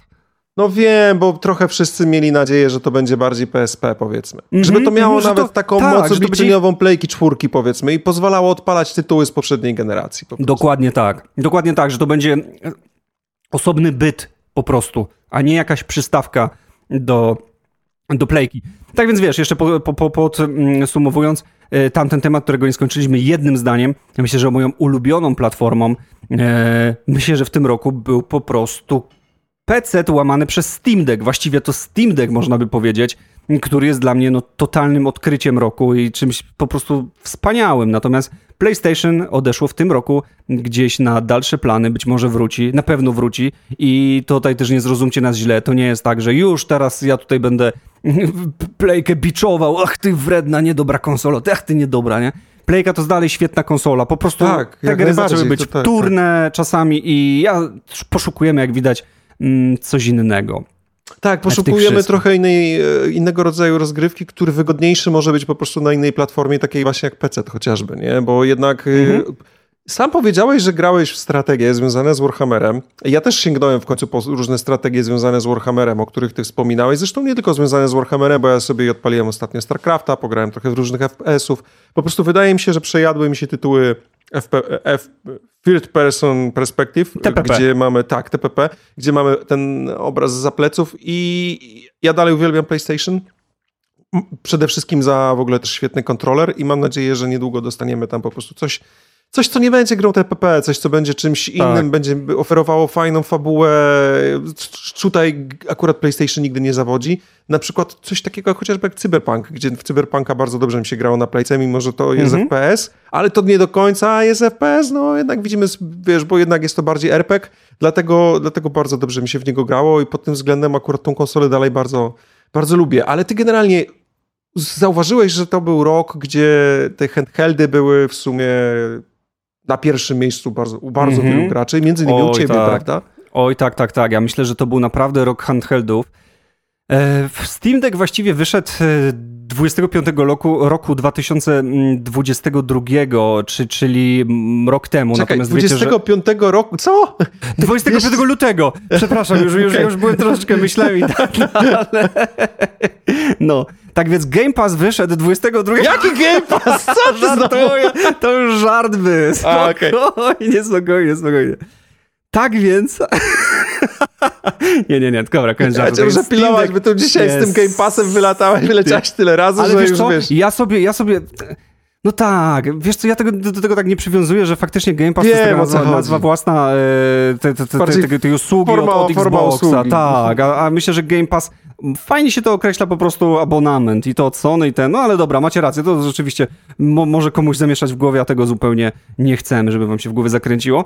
Mm, tak więc y, wracając do tego Steam Decka, który wyszedł e 25 lutego 2002 roku, czyli właściwie można by powiedzieć, że no nie jest to ten rok, czyli, czyli Marcin, co ty w ogóle chrzanisz, mimo roku 2023, no ale wiecie, że dostępność tej konsoli była tak mała na początku, że ja właściwie swoją uzyskałem dopiero gdzieś w październiku, czyli to właściwie była końcówka roku, można by powiedzieć październik, listopad, grudzień, no to już taki, no listopad, grudzień, właśnie nawet w listopadzie chyba, tak, w listopadzie, no to to już jest taki, taki przełom, tego wszystkiego, tym bardziej, że w tym roku wyszedł Steam Deck OLED, czyli e, wersja mhm. usprawniona. No do tego wyszło przecież Asusowe e, Rogalaj, 13 czerwca 2023. Też bardzo, bardzo, bardzo fajna konsolka oraz niedawno wyszło Lenovo Legion Go 30 października 2023, który już jest totalnie w ogóle zabijaką i potworem. Moim zdaniem takim overkillem troszeczkę, dlatego że ta konsola to już jest w ogóle przegięcie, no bo tutaj mogę wam powiedzieć tak w dwóch słowach, że o ile e, właściwie dla mnie, moim zdaniem Steam Deck wypada tutaj troszeczkę najlepiej, dlatego że za wersję OLED w tym momencie zapłacicie 2600 i macie tam 7,4 7,4 mm, calowy ekran z OLEDem, gdzie jasność dochodzi aż do 1000 nitów i, i tam macie odświeżanie, oczywiście macie HDR-a i, i 90 Hz odświeżania, to Rogalai E, w tej podstawowej wersji, która jest dokładnie w cenie Steam Decka, ma niestety 7-calowy ekranik i właściwie o wiele mniejszą jasność, bo ma trochę 500, ma, ma, ma tych nitów mniej, bo ma 500, właściwie tam ma AMD Ryzena Z1, więc yy, no też nie jest świetna. Dopiero ta wersja za 3500 ma dopiero tego Z1 Extreme, e, który jest naprawdę, naprawdę porządny i on według benchmarków daje no, około 15 FPS-ów więcej niż Steam Deck w grach AAA. Tu też od razu zaznaczmy, że Steam Deck do gier AAA się nie nadaje. To jeśli chcecie zagrać jakieś topowe gry, takie topowe z tego roku, Baldury czy Starfieldy, chociaż Starfield to nie jest topowa gra, ale wiecie, no takie, no jednak załóżmy AAA, to na pewno Steam Decku sobie nie pogracie, to nie może być alternatywa w takim razie dla komputera, natomiast na wszystkim innym sobie zagracie. Natomiast z kolei to Legion Go to już w ogóle jest overkill, dlatego że oni tam dali ekran 8,8 cala. 8 i 8 to jest po prostu tak jebitne. Z no. rozdzielczością, wiesz, 2500 na 1600, więc to jest po prostu jakiś, jakiś kosmos. Tam jest też Z1 Extreme. Naprawdę konsolka bardzo mocna. No i różnice przede wszystkim też takie, że Steam Deck działa na SteamOSie, a te dwie inne konsole działają na Windows 11 Home. Oczywiście pod SteamOSem jest e, Linux. No i Myślę, że każdy coś tutaj dla siebie znajdzie. No, fani Steama, tak jak ja, na pewno pójdą w kierunku Steam Decka i w, w, kierunku wygody. No ja szczerze wam powiem, że nie chcę mieć konsolki, która ma Windows 11. Ja już jak widzę, fajnie jest Windows 11, sam go mam w, w kompie, ale no nie po to włączam taką konsolkę, żeby widzieć kompa. Fajnie sobie, że sobie jest ten SteamOS, że, że tak przykrywa to wszystko, ja się tam nic, niczym nie muszę bawić, e, poruszam się w nim i, i wszystko jest, zwłaszcza, że ten Steam cały jest przecież jest, jest, jest tak bardzo mocno rozbudowaną platformą. Tam community jest, jest bardzo silne. e, nawet głupie ustawienia, jak chcesz podpada pod każdą grę możesz ściągnąć, to możesz ściągnąć ustawienie podpada oficjalne, e, ustawienie fanowskie, możesz go zrobić sam, właśnie jakieś tam grupki, w ogóle fora, w ogóle co jest piękne, na, na Steamie dalej są fora, no dosłownie macie fora, posty pozamieszczane, to jest coś pięknego. Naprawdę Steam ma moc, mocne community i tam aż się miło porusza. No, natomiast te dwie inne konsole obserwuję po prostu Windows 11 z paskiem start, no i, i YOLO, musicie sobie tam już e, sami włączać, więc jeśli ktoś coś takiego lubi, e, to jak najbardziej. No ja wam powiem, że pograłem sobie troszeczkę na Steam Decku e, w tym roku i powiem wam, że spodobał mi się do tego stopnia, że no niedawno sprzedałem go na Allegro, dorzuciłem troszeczkę i kupiłem sobie wersję OLED, dlatego że spędzam z nim tak dużo czasu, że chcę po prostu to robić jakby w jak najlepszych możliwych mm, e, warunkach i, naprawdę jestem tym OLEDem zachwycony i powiem wam, że większość gier, e, które sobie tutaj mm, podsumowałem, jakie grałem, czyli właściwie tu mam, tu mam taką, taką. Steam oczywiście zrobił mi podsumowanie tych gier, jak, jak ja grałem w tym roku. To właściwie tylko w trzy gry grałem na, Playsta- na e, PC, czyli na Starfieldzie, w Baldura i Rogue Tradera, Warhammer Rogue Trader. W te trzy gry grałem faktycznie na PC. Natomiast Blasphemous, Bolt Gun, Dread, Projekt Warlock, Cloudpunk, Inscription, Sea of Stars, Forget Me Father, a nawet Quake 3 Arena, który sobie ostatnio ściągnął, ściągnąłem na Steam Decka. W te wszystkie rzeczy gram na Steam Decku. Czy moja najnowsza, ostatnio ukochana gra No Man's Sky, do której wróciłem na Steam Decku. Co ty mówisz? Bo... Ale mnie zaskoczyłeś teraz. Stary, no No Man's Sky to jest po prostu coś pięknego teraz. Już tak jest ta gra rozbujana, że właściwie... Aleś mnie zaskoczył, stary. Stary, powiem ci, że ściągnąłem sobie No Man's Sky dwa dni temu i wiecie już ile już mam? 7,4 godziny nabite na Steam Decku. Tylko na Steam Decku. Nawet nie, tego na kompie nawet nie włączam. To na Steam Decku śmiga w 60 FPS-ach. Eee, dzięki temu AMD Fidelity FX, e, czyli tej sztucznej inteligencji, naprawdę w bardzo wysokich detalach. Ta gra wygląda pięknie, bo po prostu wygląda pięknie i trzyma te 60 fps. Czasami są tam spadki na 50, czy, czy chrupnie nawet do 45, 47, ale wiecie, takie chrupnięcie to, to, to się zdarza i nawet na dobrych PC-tach, więc no coś pięknego. Steam Deck to jest w ogóle odkrycie y, tego roku, poprzedniego roku, coś pięknego. I w ogóle namawiałem Andrzeja, żeby kupił moją starą konsolę, tak mu już wciskałem tą starą, ale nie był niestety zainteresowany, za czym bardzo ubolewam. Wiesz dlaczego, bo e, po pierwsze tam dużo, Wiem, dużo wydatków wydatki, to jest wydatki, jedno, wiem. ale poza tym gdzieś odkładam powoli pieniądze tak sobie jednak na tego Switcha kolejnego, który w przyszłym roku o, powinien się pojawić. No, to z tym przyszłym to bym tak strasznie nie czekał, bo to też może być końcówka 2024, wiesz, jak będzie z dostępnością Myślę, na początku. że tak będzie. No, może tak być, ale zobaczymy. Nieważne. Z No Man's Sky to mnie strasznie zaskoczyłeś. To jest fajna gra, bardzo fajna gra, która jest w tej chwili w świetnym stanie i to, że oni jest cały czas rozwijana i no, jest doprowadzona do takiego momencie, punktu mega. W tym momencie na Steamie ona ma ostatnie oceny, bo wiecie, na Steamie jest podział na wszystkie oceny i ostatnie, co jest bardzo fajne, bo na przykład gra może na premierę być dziadowska, taka jak um, był Cyberpunk 2077, który nie był dziadowski, ale był troszkę zabagowany, był taką wersją trochę niedokończoną, tak to nazwijmy w cudzysłowie.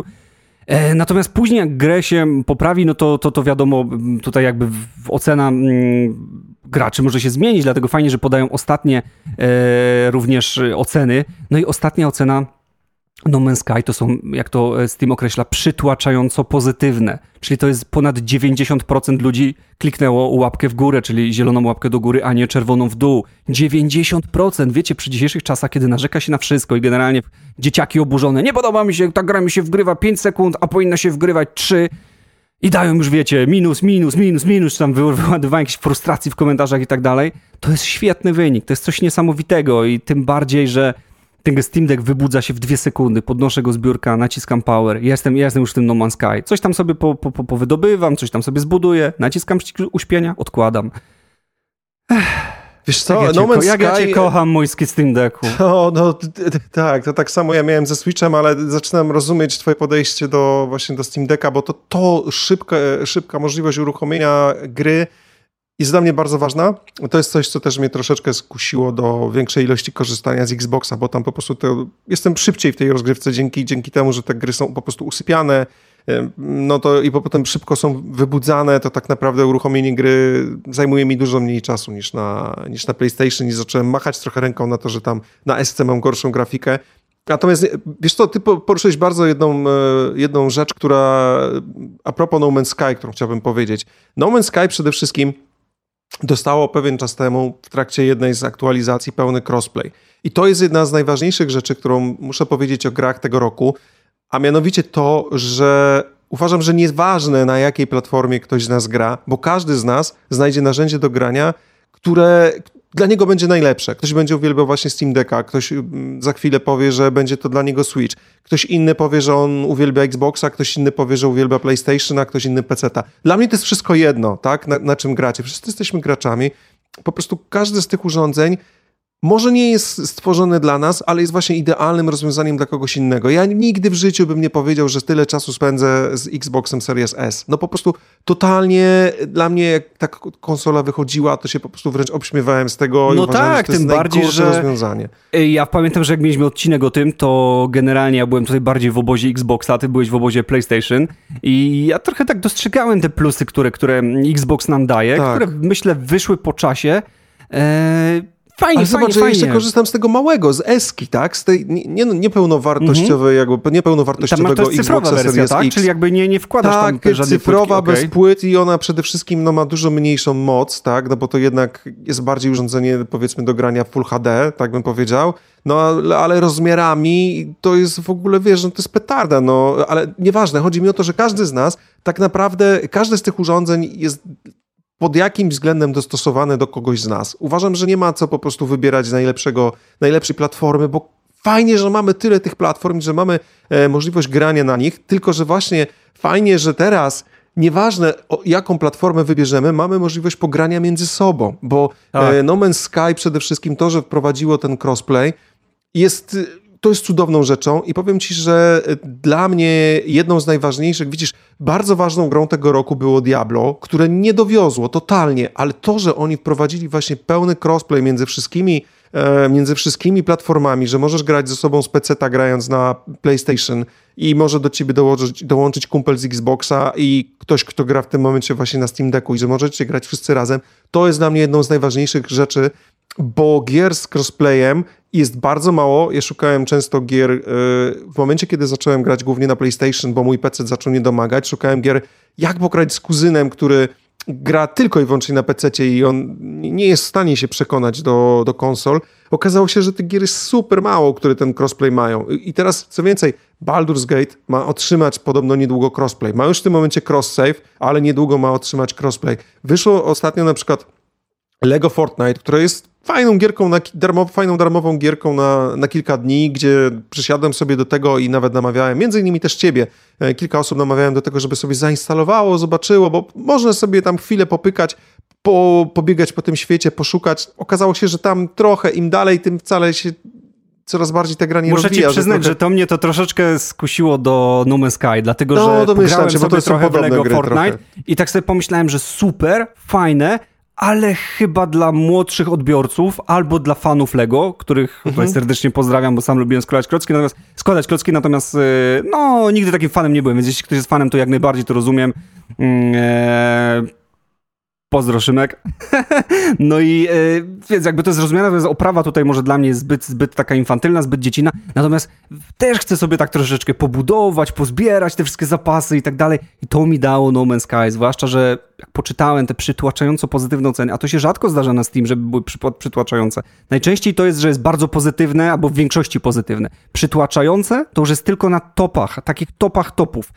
Więc bardzo tu dużo mówi o tej grze i w połączeniu z tym Steam Deckiem stary, kończmy już, bo chcę zagrać.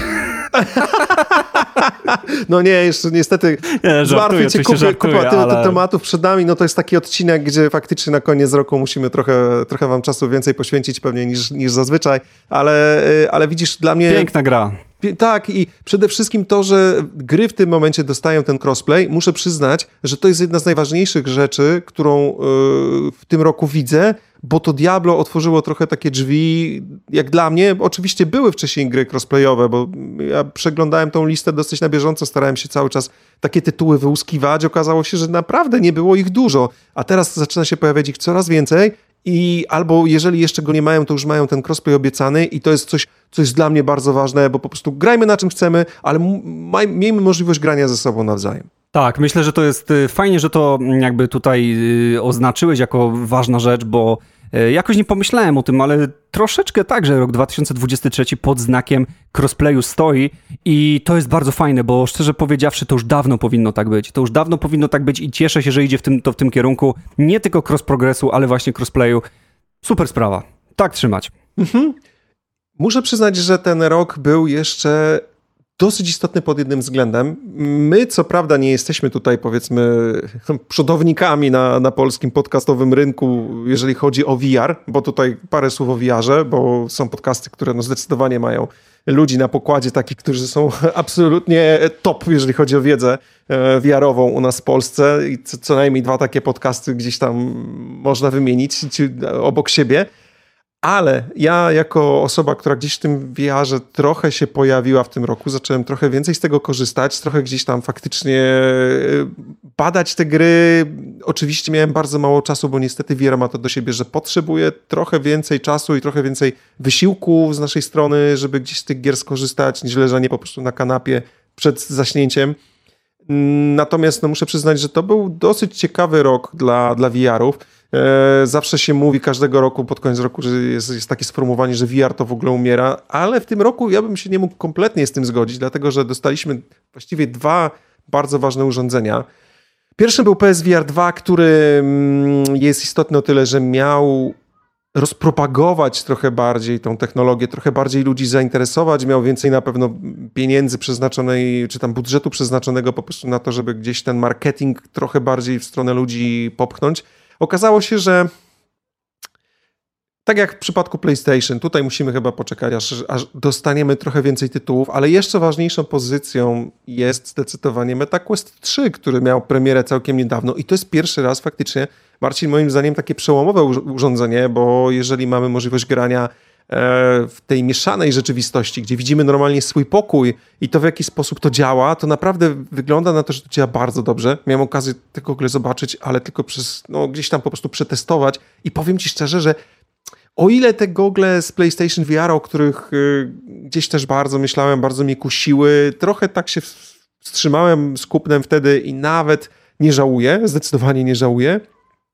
Tak, ten MetaQuest, powiem ci, że mnie mocno intryguje, szczególnie, że to po pierwsze są gogle autonomiczne, możemy sobie grać tylko i wyłącznie na nich, możemy je podłączyć sobie do PC-a, mamy tą mieszaną rzeczywistość. Kurczę, naprawdę powiem Ci, że to są bardzo fajne gogle i myślę, że to jest pierwszy krok naprawdę w stronę czegoś bardzo ciekawego mm -hmm. i zresztą no, mamy też zapowiedź y, z takich ciekawostek, coś czego w Polsce pewnie niewiele osób dotknie, tak, ale są też te gogle do mieszanej rzeczywistości, czy właściwie VR-owe gogle od Apple, które są gdzieś tam w produkcji, to też jestem ciekawy, jak dalej ten rynek popchnie, czy oni będą w stanie gdzieś jakoś rynek VR-u trochę popchnąć Ja jestem ciekawy ceny. No, tam cena to jest, wiesz, granice chyba 20 tysięcy, nie chcę w tym momencie was sprowadzać błąd, ale to jest gdzieś mniej więcej z tego, co pamiętam, jak sprawdzałem ja, gdzieś ten region, chyba 18, 20, jakoś tak. E, wiesz, natomiast mam wrażenie, że VR bardzo fajnie się rozwija i coraz ciekawiej spoglądam w tą stronę, szczególnie, że no bawię się z tymi goglami, które w tej chwili mam w domu, jest, y, jest fajnie, mimo Nie, że to są no, starsze super gogle. sprawa, jasne, no VR to, to jest przyszłość, no w, w końcu jeśli, jeśli Wiecie, najgorsze jest to, to, to, to, jest to, co Andrzej powiedział. No, PSVR 2 miał być takim mocnym przełomem. Myśmy się mocno nakręcali na to. Ja się mocno nakręcałem na to. E, okazał się być drogą, krokiem w przód, ale nie przełomem. E, więc y, cena jego chyba w ogóle mocno spadła od czasów do premiery. Naprawdę no tam, tam były już momenty, że za 1999 zł dało tak, się że są w ogóle problemy właśnie ze, ze sprzedażą, że nie mogą sprzedać tych gogli, których, których wyprodukowali, więc no nie jest to jakaś rewolucja, natomiast jest to krok w przód. Myślałem, myśleliśmy, że będzie lepiej.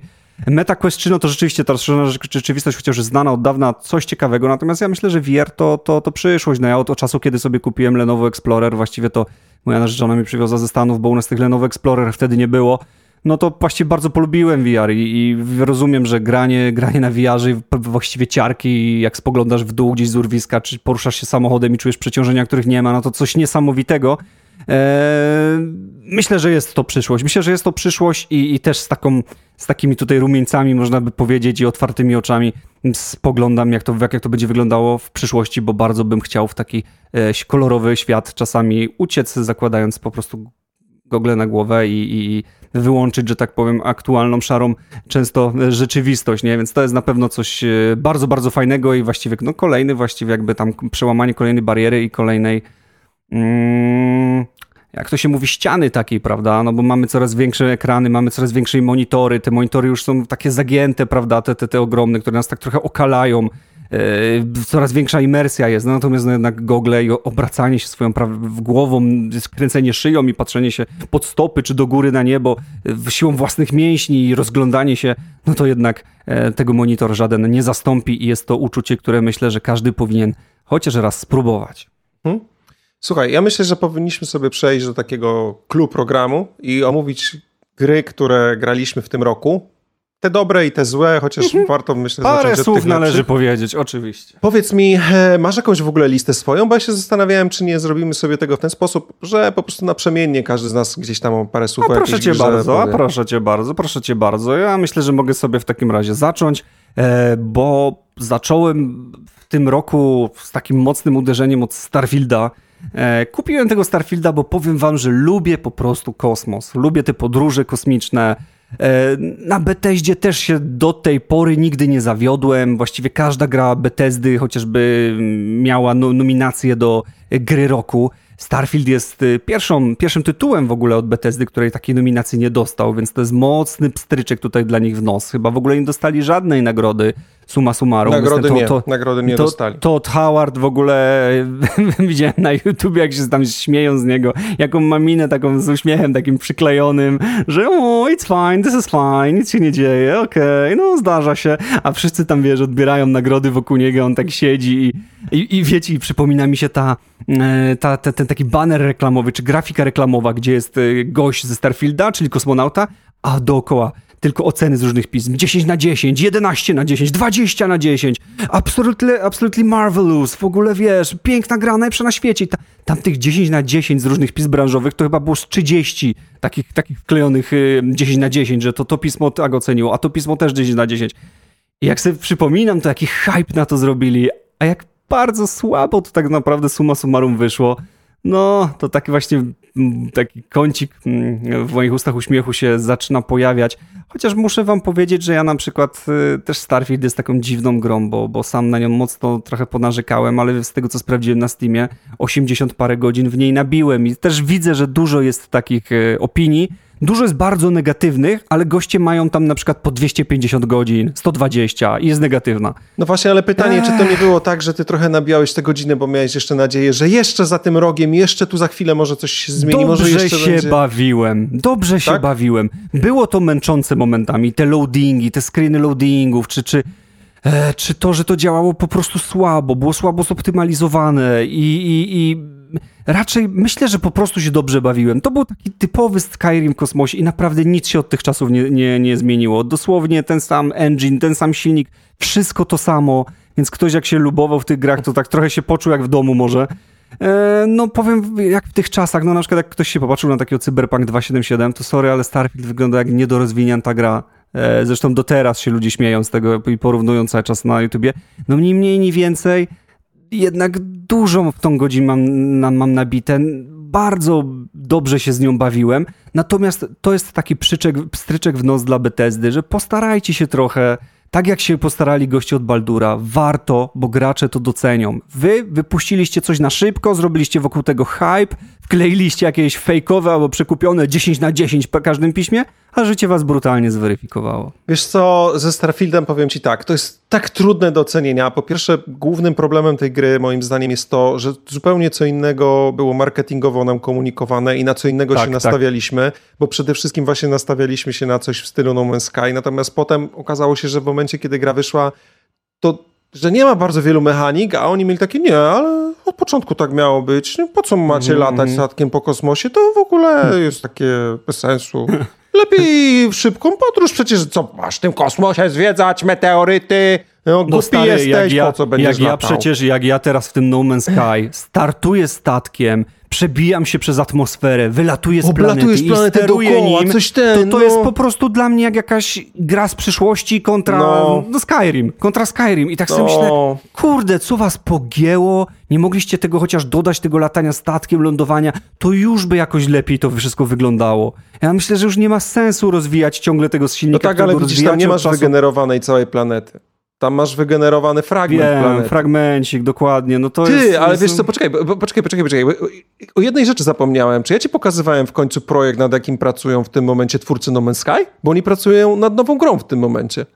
E, chyba nie. Stary, i to ma być gra, która generalnie, no wątpię, żeby to był przyszły rok, ale była pokazana właśnie na Game Awards, między innymi.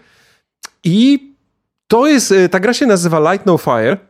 I teraz wyobraź sobie, że oni w tym momencie nie chcieli zrobić gry w kosmosie, chcieli zrobić grę, która będzie się toczyła na planecie takiej, powiedzmy, jednej tylko i wyłącznie, ale tym razem chcą wygenerować całą planetę.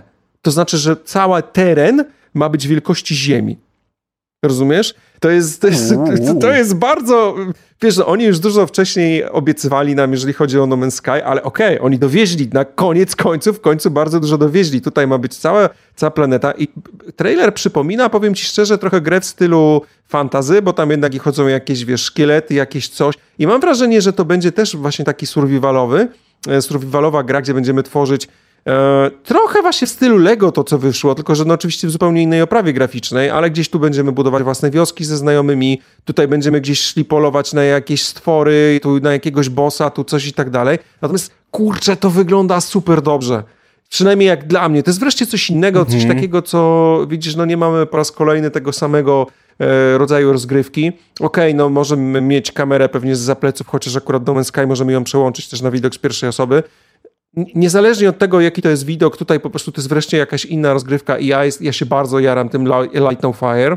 No ja bym się tak nie jarał, patrząc na, na to, co ostatnio Bethesda dostarczyła tutaj ze Starfieldem, więc ja bym taką, taką jednak No dozą tak, ale to troszeczkę... robią jednak, wiesz, twórcy No Man's Sky, nie, nie Bethesda. A, tak? No Man's Sky, okej, Tak. okej, okej. Nie wiem dlaczego zrozumiałem. Aha, to mi mówiłeś, jejku, ja nie wiem dlaczego, z, bo byliśmy w temacie Starfielda, jakoś, jakoś mm, Wiem, zrozumiałem wiem, cię, wiem, że, wiem, że wiem. to Nie, bo przeszedłeś, na, Aha, przeszedłeś w tym okej. momencie gdzieś tam sobie na, na No Man's Sky ponownie, dlatego mi się to akurat przypomniało, no ale okej. Tak, tak, tak, tak, tak. No to, to, no to nie, no to, to wysyłałeś mi o tym faktycznie. To może być coś, coś niesamowitego. Zresztą patrząc na to, jak, jak y, tutaj się chyba mocno nauczyli na No Man's Sky, jak to wszystko ma wyglądać, no to ja, tak, to myślę, że tu można akurat optymistycznie spoglądać. Ale to nawet już wiecie, jak, jak sobie porównuję statki, to w samym No Man's Sky sobie to wczoraj wygooglałem, ile można mieć różnych statków. No chyba z 10 można mieć. E, to w Starfieldzie co ile można mieć? 5, 6, pamiętam, tam było możliwe. Oj, a to więcej przecież tych statków, dużo więcej. ale to sobie No sam możesz je stworzyć. No tak, tak, tak, tak, tak, No Man's Sky. Jest naprawdę dużo tych statków i, i, i wiesz, wiecie, Starfield to naprawdę miał być taka premiera po prostu jak, jak, jak nie wiem, jak, jak coś niesamowitego. Takie, że to się nie może udać. Wiecie, jak taki naprawdę hit. Kolejna część, nie wiem, Terminatora, kolejna część Rockiego, kolejna część Robocopa. To jest coś takiego, co jest, wiecie, to wchodzi i zamiata. A tutaj po prostu samo zostało zamiecione. No Dla mnie to i- jest taka gra 6 na 10, szczerze powiedziawszy. No, Bo- no, 6, 7. Powiem ci jeszcze, jeszcze jedną rzecz. Po pierwsze, ja się, ja nie powinienem się wypowiadać na temat Starfielda, bo po prostu odbiłem się od niego tyle razy, że mam kilka, może chyba kilkanaście może godzin nabitych tam, ale po prostu ja się tak zmuszałem do grania, ale to się tak zmuszałem, wiem sobie, nie, Andrzej, no musisz sprawdzić, musisz zobaczyć, co jest dalej, Marcin polecał i widzisz, to jest też taki problem, że mm, ja jestem daleki od tego, jak niektórzy youtuberzy ostatnio, może nie, nie jest ich wielu, ale jest kilku youtuberów na, na polskim scenie YouTube'a, którzy bardzo krytycznie w tym momencie komentują, co tam im tylko ślina na język przyniesie. I generalnie Starfield był jedną z takich gier, która bardzo dostała po głowie. Mm, y, Jestem bardzo daleki od takiego podejścia, dlatego że rozmawiałem z ludźmi, którzy grają. W... O, między innymi na przykład sprzedawca w moim sklepie, gdzie chodzę kupować farbki do figurek, czy same figurki Warhammerowskie, taki sklep w Łodzi. Mm, Bardzo sobie tego Starfielda ceni i wielokrotnie jak gdzieś tam jest na, tem- na jego temat rozmowa, to on się odpala, bo po prostu jemu się bardzo dobrze gra. Facet jest starszy ode mnie i po prostu wiesz, on, on świetnie się w Ale tej to grze bawi. I ja dlatego... ci mówiłem, ja się nie zmuszałem, stary. Ja grałem po prostu jak zaczarowany na początku w Starfieldzie. Nie wiem, on ma jakąś taką filmową oprawę, te dźwięki wszystkie, te, ten, to, ten trzeszczący statek, jak jesteś w kosmosie, on tak trzeszczy. Taki dźwięk jakby metalu takiego zgina, zginanego. Naprawdę jest, ej, naprawdę to wygląda spoko i naprawdę gra się w to spoko. Jeżeli by, ja widzę masę ocen na Steamie, gdzie ludzie mają po 200-300 godzin i dają mi jedynkę, że no jednak ta gra nie zasługuje. Powiem wam tak, bez jaj, jak grałeś coś w 300 godzin, to nie grałeś chyba z bronią przy głowie. To jednak w miarę dobrze się bawiłeś. No nie oszukujmy się, że, że, że gramy w coś 300 godzin, co jest totalnym krapem. No nie. Ludzie się tak przyczepili do tego Starfielda, bo faktycznie był tak hypowany, ale to nie zmienia faktu, że jest to spoko gra. I mnie się w nią super jest średnia grało. gra. Ja bym nie powiedział, że spoko, jest po prostu dobra, mocno dobra. średnia. No. Dla, mnie jest, dla mnie spoko jest troszeczkę wyżej niż średnia. Po okay. prostu. To jest okay. takie 6, 6,5 albo 6,5 albo 7. To jest spoko. Nie powiem, że ta gra jest zła, bo naprawdę po prostu skłamałbym wam. Nie, będę, nie będziemy tutaj właśnie płynąć z prądem i mówić, że a wszyscy jadą po Starfieldzie, to my też pojeździmy. Nieprawda, ja się przy Starfieldzie świetnie bawiłem, co nie zmienia faktu, że jest ta gra średnia albo co najwyżej spoko. Okej. Okay. Kończąc Starfielda, e, teraz może przejdę sobie ja do jednego z tytułów, który łączy ze Starfieldem jedną rzecz. Również na Game Awards nie dostał żadnej nagrody, a mianowicie jest to Hogwarts Legacy, które odpaliłem dosyć późno, bo ja odpaliłem w momencie, kiedy pojawiła się premiera na Switcha. E, ograłem sobie sporą część tej gry, no może sporą to przesadziłem, ale no kilkanaście godzin ograłem sobie na Switchu, po czym nagle doszedłem do wniosku, że kurczę, ta gra jest tak zrobiona, że ona na pewno dobrze wygląda i na pewno wygląda lepiej niż na Switchu. I tu jest, dochodzimy do punktu, w którym ja kocham Switcha, ale po raz pierwszy kupiłem grę na inną platformę. W tym przypadku akurat był to Xbox ze względu na właśnie też mobilność, żebym mógł sobie jeździć z tą konsolą w różnych miejscach, gdzie akurat w danym momencie jestem. Mm, I po prostu stwierdziłem, że przejdę ją sobie na Xboxie. Jeszcze nie skończyłem, ale ja się świetnie bawię w Hogwarts Legacy. To jest gra, która głównie jest kierowana zdecydowanie do fanów e, Harry'ego Pottera i do ludzi, którzy tego Harry'ego Pottera przeczytali pod każdym względem na pewno. Harry jest super. Kurczę, wiesz, no moja Zosia na pewno jest wielkim fanem Harry'ego Pottera i tam jest y, dużo nawiązań, których ja nawet nie rozumiem, bo ja przeczytałem mhm. książki, nawet chyba dwukrotnie, bo raz, znaczy może inaczej, raz gdzieś tam czytałem, raz słuchałem audiobooka, oglądałem filmy pewnie ze dwa razy, mm, wszystkie, ale nie wyłapuję aż takich dokładnie, wiesz, rzeczy jak ona, gdzie ona przychodzi i mówi, o, a to są okulary z tego, a to są coś tam, nie? I tak dalej, wiesz.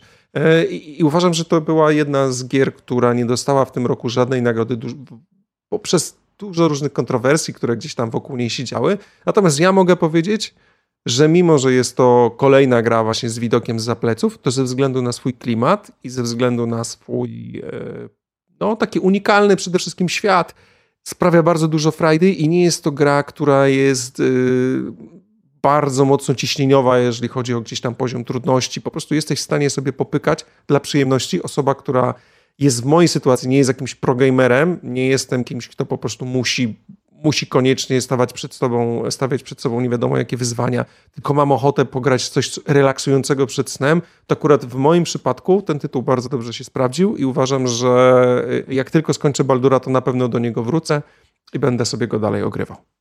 Mhm.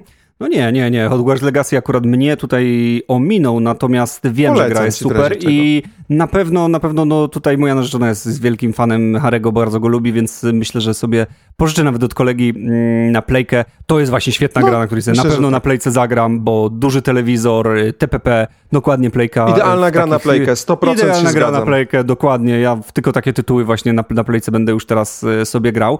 Natomiast muszę wam powiedzieć, że y, ja przez też przez Steam Decka i przez powrót do kompa częściowo yy, zgrałem w tym roku dosyć sporo różnych yy, FPS-ów I, I, zaczęło się to oczywiście od Boltgana. Świetny mhm. FPS w lorze, FPS. Y, w świecie mm, Warhammer 40 tysięcy naprawdę coś niesamowitego. Gra, która tak wyszła z czapy, bo to nie była właśnie gra reklamowana jak Starfield, w ogóle od nie wiadomo ilu, co ona nie zrobi. Było, że, że spoko. Ludzie się bardziej tym zajawiali, że ta gra wygląda jak, jak, jak jakiś właśnie Quake czy Arena, czy coś takiego, tylko Nawet że taki nie, no Quake czy Arena nie jest, wiesz, nie jest pixelartowy, nie? A to jest no, no, no, no. Tak, tak, tylko że taki właśnie boomer shooter, ale coś przypominającego, na przykład jak Quake czy Arena, jak tam goś, goś latał. No, przynajmniej ja na takie opinie, pamiętam, trafiłem na taki filmik w necie i to był mój pierwszy kontakt z Bolt Gunem. Bolt Gun naprawdę świetna gra i mimo, że pierwszy na przykład akt przeszedłem, tam są trzy akty, pierwszy akt przeszedłem na e, kompie, to wyobraźcie sobie, że już drugi przeszedłem i drugi, i trzeci przeszedłem na Steam Decku,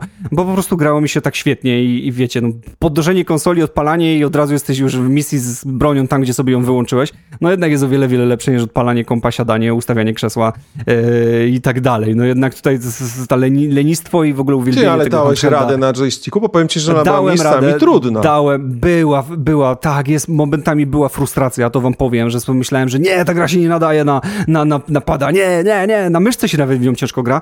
Natomiast y, jeśli czasami gdzieś nie mogłem, to zszedłem sobie nawet na easy, a wierzcie mi, że tam easy jest jak, jak medium w jakiejś normalnej grze. Jest naprawdę trudna ta gra, Kurczę, no, poziom trudna. trudności momentami był frustrujący. Ja musiałem Frustrujący, poddać się tak. na Switchu i przenieść się po prostu na PC-ta, bo nie dałem rady dokoń, dokończyć Tak, tej gry na Switchu. dokładnie. Ja też czasami schodziłem na easy, żeby po prostu przejść i sobie po prostu No się ja pobawić. też, nie chciałem a- się a- przyznawać, ale jak ty byłeś Nie, pierwszy, to się przyznam. tak. Ja też. No, więc wiecie, więc wiecie, ten board game to jest coś, coś pięknego, albo, ale tak samo też dużo sobie zagrałem takich indie e, FPS-ów, shooterków, tak to nazwijmy, jak chociażby e, Project Warlock, też bardzo fajna gra, którą sobie ogrywam, e, ogrywam sobie na Steam Decku. No, świetny FPS, czy chociażby Forgive Me Father, e, który jest e, też taki sprajcikowy, boomer shooter w klimatach Lovecraftowych. E, Generalnie właśnie jest takie, takie bardzo, bardzo ponure, tajemnicze Lovecraftowe środowisko. E, Świetna, świet, świetny FPS i myślę, że tutaj nie ma co ukrywać. Tak samo na przykład sobie ściągnąłem ostatnio Quake'a 3 Arenę, też sobie coś tam czy z botami, e, po, głównie z botami właściwie sobie popykam na jakichś tam arenkach. Wiadomo, że, że, że no, nie idzie to, to tak jak idzie na myszce, natomiast no, świetna zabawa, świetny relaks. E, więc dużo do, do takich, do takich FPS-ów u mnie w domu e, zagościło, właśnie czy to na kompie, czy na Steam Decku i no, myślę, że tutaj ciężko byłoby mi je pominąć. Myślę, że na pewno pominąłem jeszcze jakie, jakieś, jeden czy dwa tytuły, bo, bo jestem pewny, że grałem jeszcze w jakieś dwa FPS-y. Aha, takim dużym FPS-em, który teraz wyszedł, a jest zawodem, a chociaż mamy tutaj taką, taką kategorię, największe rozczarowania, to może wtedy o niej powiem, ale tutaj już mogę powiedzieć, że był Kingpin Reloaded, na którego mocno czekałem. Natomiast ma oceny przytłaczająco nie pozytywne, tak jak Man's Sky, tylko przytłaczająco negatywne. No coś bardzo, bardzo słabego, e, więc tutaj nikogo do tej gry nie zachęcam, a bardzo na nią czekałem. Jedną z gier, która była moją ulubioną pozycją w tym roku, ale jej też jeszcze nie skończyłem, dlatego że jest to gra na. To jest taka gra, w której lubię po prostu lizać ściany. I to jest gra Mhm. akurat z Nintendo, i to jest nowa Zelda, czyli Tears, of the Kingdom. I pierwszy mój kontakt z nową Zeldą był trochę mało pozytywny, dlatego to, to, to jest zaskakujące, ale po prostu miałem wrażenie, że cofnąłem się faktycznie do do poprzedniej e, części Zeldy. Po prostu, że dostałem dokładnie to samo.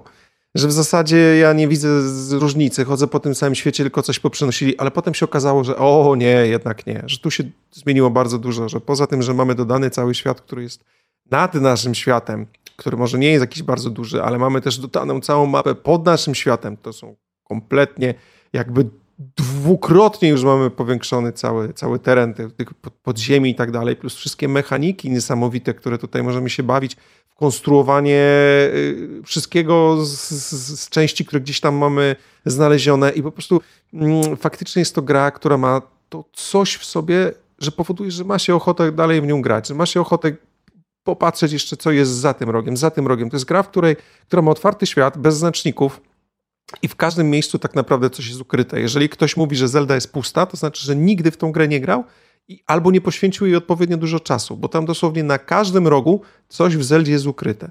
Coś, co możemy wykorzystać w jakiś sposób. I to nie jest gra oczywista, że idziemy od punktu A do punktu B i po prostu wszędzie coś się dzieje, bo są porobione y, szybkie eventy. Nie, tutaj po prostu to jest właśnie gra, jakbyśmy trafili do jakiegoś trochę postapokaliptycznego świata i sami odkrywali, co gdzieś ludzkość, czy no w tym przypadku, no nie ludzkość, ale tak, ale pozostawiła po sobie.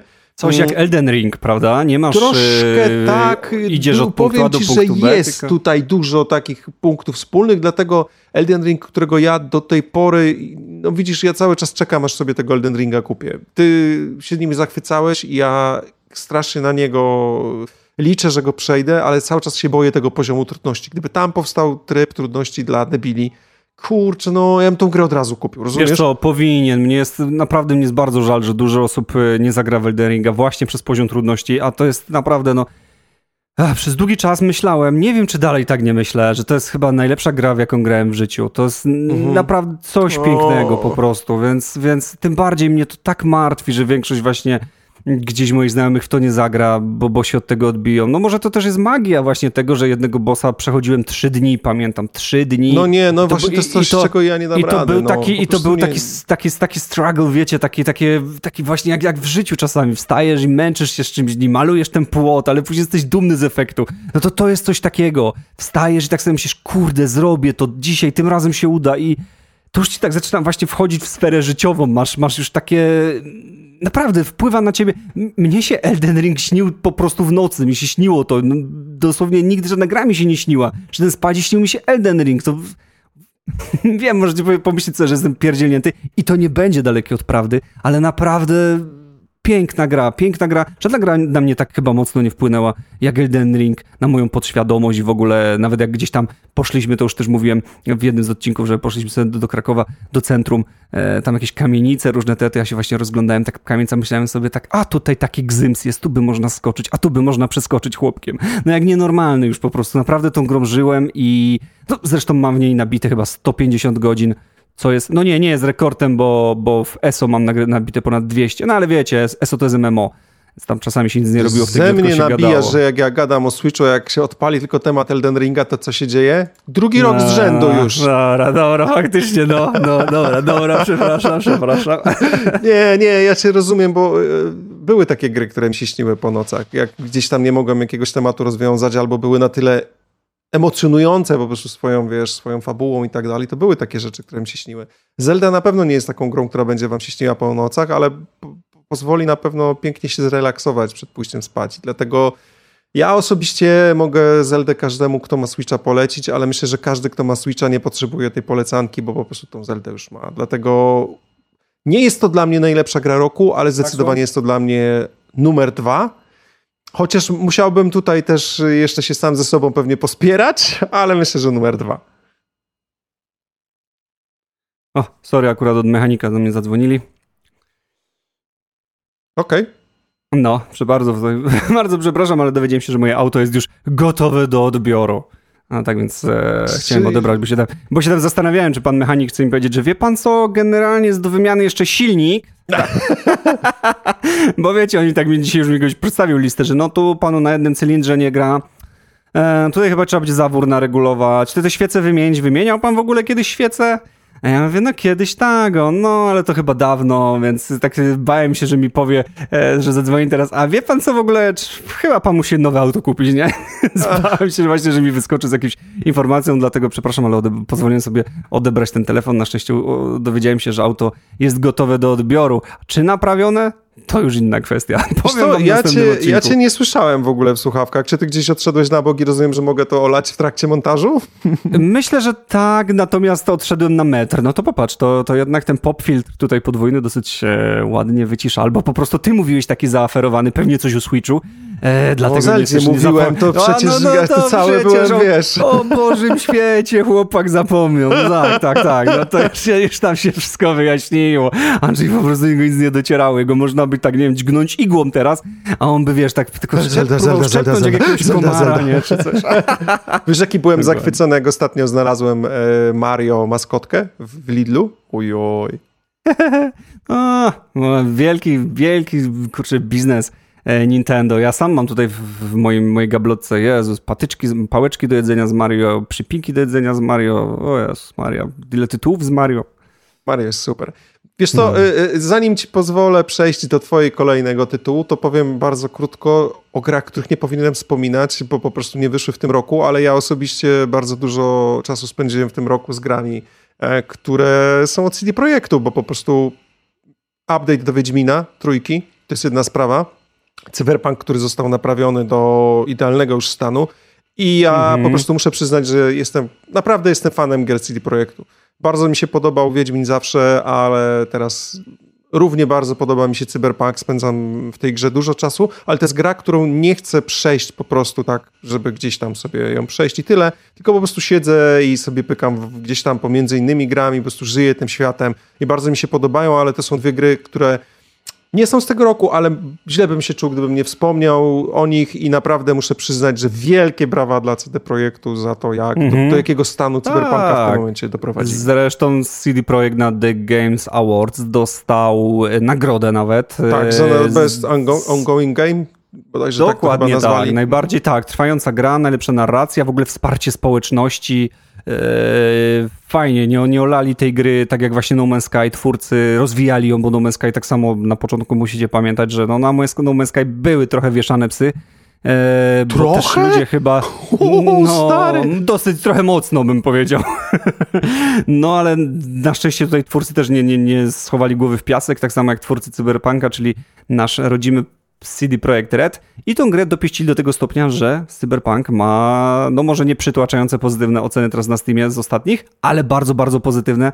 Na pewno już do 90% e, pozytywów się zbliżają, więc to jest, to jest e, duży znak. Ja teraz może tak właściwie, żeby wam się tutaj nie, nie strasznie nie rozwijać z tym wszystkim, bo właściwie nagrywamy już prawie dwie godziny, a chcemy sobie jeszcze troszeczkę e, drobnych tematów poruszyć. Ja już bym tak zebrał do worka właściwie może tutaj kilka kwestii takich drobniejszych gierek, które grałem na y, właśnie Steam Decku, to chociażby Blasphemous 2, mm, świetna Metroidvania, trochę taka z wyższym poziomem trudności. Przeszedłeś jak- dwójkę jak- w jak- końcu? jak- Czy E, pograłeś ty w ogóle więcej coś? Może tak? Yy, w Blasphemousa? Tak, w dwójkę, bo chodzi o to, że wiesz, że w tym roku wychodziło tak dużo gier dobrych, Mhm, że ciężko mhm. było znaleźć na wszystko czas. I się Wiesz zastanawiam, co? czy udało ci się ten czas znaleźć. Sk- skończyłem Blast, nie skończyłem go do końca, nie, nie przeszedłem do końca, ale jestem z tego, co mówi gra na loadingu w 85% gry, więc właściwie Okej. trafiłem, trafiłem na takiego, mogę powiedzieć, że właściwie prawie przeszedłem, trafiłem na takiego Jak bossa, który jest jedynki? naprawdę dosyć mm, no, trudny i naprawdę tryhardowałem go strasznie strasznie długi czas, aż w końcu chyba jakaś inna gra mi wskoczyła na tapetę, chciałem się troszeczkę od tego Blastemusa sobie odpocząć i już y, jakby mm, nie wróciłem. Natomiast to nie zmienia faktu, że Blastemus 2 to cudowna gra, coś jak Blastemus 1. To jest jedna z kolei znowu też najlepszych, najlepszych Metroidvanii w ogóle jakie grałem. E, I też tutaj sprawdził się y, Steam Deck. Tak samo Dread, czyli pływanie sobie tą y, łódką. Wiesz, to oparach. też mam na liście. No to powiem ci, że to za twoim nomen omen poleceniem, bo ty, ty mi wspomniałeś Mhm. o Dredge'u i, i muszę przyznać, że to jest bardzo ciekawy tytuł i w życiu bym nie pomyślał, że może sprawiać tyle frajdy. No to jest kolejna gra na Switcha dla mnie właśnie, nie? Tak, Ale to jest, to jest symulator, symulator. Ktoś, ktoś mógłby powiedzieć, w wielu komentarzach widziałem, że to jest symulator wędkarza. No bo Pływasz, to pływasz łajbą i, tak i, jest, no. i, i łowisz ryby, a później te ryby musisz układać tak dobrze na swoim e, luku bagażowym, że to jest znowu z kolei Tetris rybny. Ktoś tam się śmiał, że to jest Tetris trochę z tak, rybami, nie? No, natomiast wiecie, to jest tylko jedna rzecz. To, że tam pracujesz jako, jako rybak i, i te ryby łowisz, ale to wszystko, co się dzieje dookoła na tych tajemniczych wyspach, w tym całym Lovecra- Lovecraftowym klimacie, jest tak interesujące, tak ciekawe. Oprawa graficzna, muzyka, jest coś pięknego. Powiem wam, że idealna gra, czy na Steam Decka, czy właśnie na, na Switcha. Tak więc Blasphemous, Dread, Dread czy chociażby Cloudpunk, gdzie prowadzisz... Mm, Dredge, tak. Yy, chociażby Cloudpunk, gdzie prowadzisz taksówkę w takim e, cyberpunkowym świecie, jesteś taksówkarzem e, i sobie tam e, tą, tą, tą, tą taksówką latasz w powietrzu. Też bardzo fajne miasto, też 100% gra na, na Steam Decka jak dla mnie. Czy Inscription, karcianka w takich oparach w ogóle absurdu i takich, takich dziwnych klimatów, ale to chyba już trzeba sobie samemu sprawdzić, jak ta gra jest zrobiona, bo, bo jeśli szukacie od karcianki czegoś nowego, jakiegoś innego podejścia do tematu, no to myślę, że Inscription to coś dla was. Albo chociażby Sea of Stars, bardzo fajny, tak jakby jak J- Och. JRPG. Jeden z Tak. fajniejszych tytułów, który też nomen omen właśnie mam w takiej liście do przejrzenia na szybko e, na Switcha, w sensie do przejrzenia, do, do, do naszego przeglądu takiego gier. Sea of Stars bardzo mi się spodobało, też jeszcze nie skończyłem. Dużo gier rozgrzebałem w tym roku, ale nie jest mi z tym źle. Wiem, że na pewno w tym momencie chcę skończyć Baldura, faktycznie chcę go skończyć, zanim sięgnę po cokolwiek innego, e, ale to są takie gry, które one nie wymagają od ciebie aż tak dużej atencji. Można je włączyć na chwilę, pograć sobie, y, przez chwilę dobrze się pobawić, po czym przeskoczyć sobie na coś innego. Mhm. No i właściwie ode mnie ostatnia, ostatnia pro... Jeszcze chciałbym tylko dodać, że y, Steam poinformował mnie, że w tym roku kupiłem 36 gier na Steamie. I powiem wam, że to nie jest tak, że, że kupiłem ty, tyle tych gier i tak wydaję kasę na gry. Powiem wam, że no, na Steamie wiecie jak jest. Y, są mega promki, coś może kosztować 150 zł, a nagle masz minus 90% obniżki albo minus 80%. Y, poza tym wiele gier możesz przecież kupić i sprawdzić. Jeśli nie, nie nagrałeś więcej niż dwie godziny w jakiejś grze albo krótszym okresie niż dwa tygodnie, możesz grę oddać, więc sobie właściwie każdą grę możesz tak naprawdę trochę zdemować, e, co też jest bardzo, bardzo fajne. E, więc i powiem wam, że większość to właśnie jakieś takie drobne indyki, drobne gierki, e, czy na przykład King of the Crown, która świetna gierka, gdzie jeździsz tylko tym królem na lewo i prawo King of Two Crowns, przepraszam, to się chyba tak nazywa. King of I rozdajesz, tak, I rozdajesz pieniążka. Też ko, e, Ale to, kurczę, gra. to też mnie... Zapomniałem o niej w rozpisce, ale to jest gra, w którą spędziłem masakrycznie dużo czasu w tym roku na Switchu. No właśnie, właśnie. I, i to są to bardzo dużo takich gierek kupiłem, czy właśnie tych e, FPS-ów, takich mm, e, powiedzmy sobie boomer shooterów. No świetnie się bawię naprawdę z tą konsolą, świetnie takich drobnych, e, drobnych gierek sobie zagrałem i myślę, że dalej będę grał. Jeszcze kończąc kończąc w ogóle ten mój wywód, to ostatnią grą, którą tu mam na liście, to jest e, Warhammer 40 000 Rogue, Trade, Rogue Trader. E, bardzo fajna gra, coś jak Baldur. No oczywiście nie aż z takim rozmachem, natomiast przypomina mi bardziej właśnie przez to, że jest taki troszeczkę w cudzysłowie, prymitywniejszy, to przypomina mi jakiegoś Baldura dwójkę i Baldura jedynkę. Powiem wam, że bardziej mi przypomina stare Baldury niż sam Baldur trójka, który mi przypomina Divinity 3 po prostu. E, świetna gra, naprawdę świetna, świetna, świetna gra i tu będę terroryzował Andrzeja, żeby w nią zagrał. Ja ją tak na pewno jeszcze... kupię, natomiast będę... naczytałem się, że jest problemów trochę dalej z bagami i że oni tą grę po prostu muszą dokończyć, zanim będzie sens ją ogrywać, więc nie wiem, czy ty się zdążyłeś odbić na... od czegoś, czy nie. Rzeczywiście nie, nie, nie, gram cały czas. Y, rzeczywiście na premierę było trochę bugów, szybko wypuścili trochę fixów.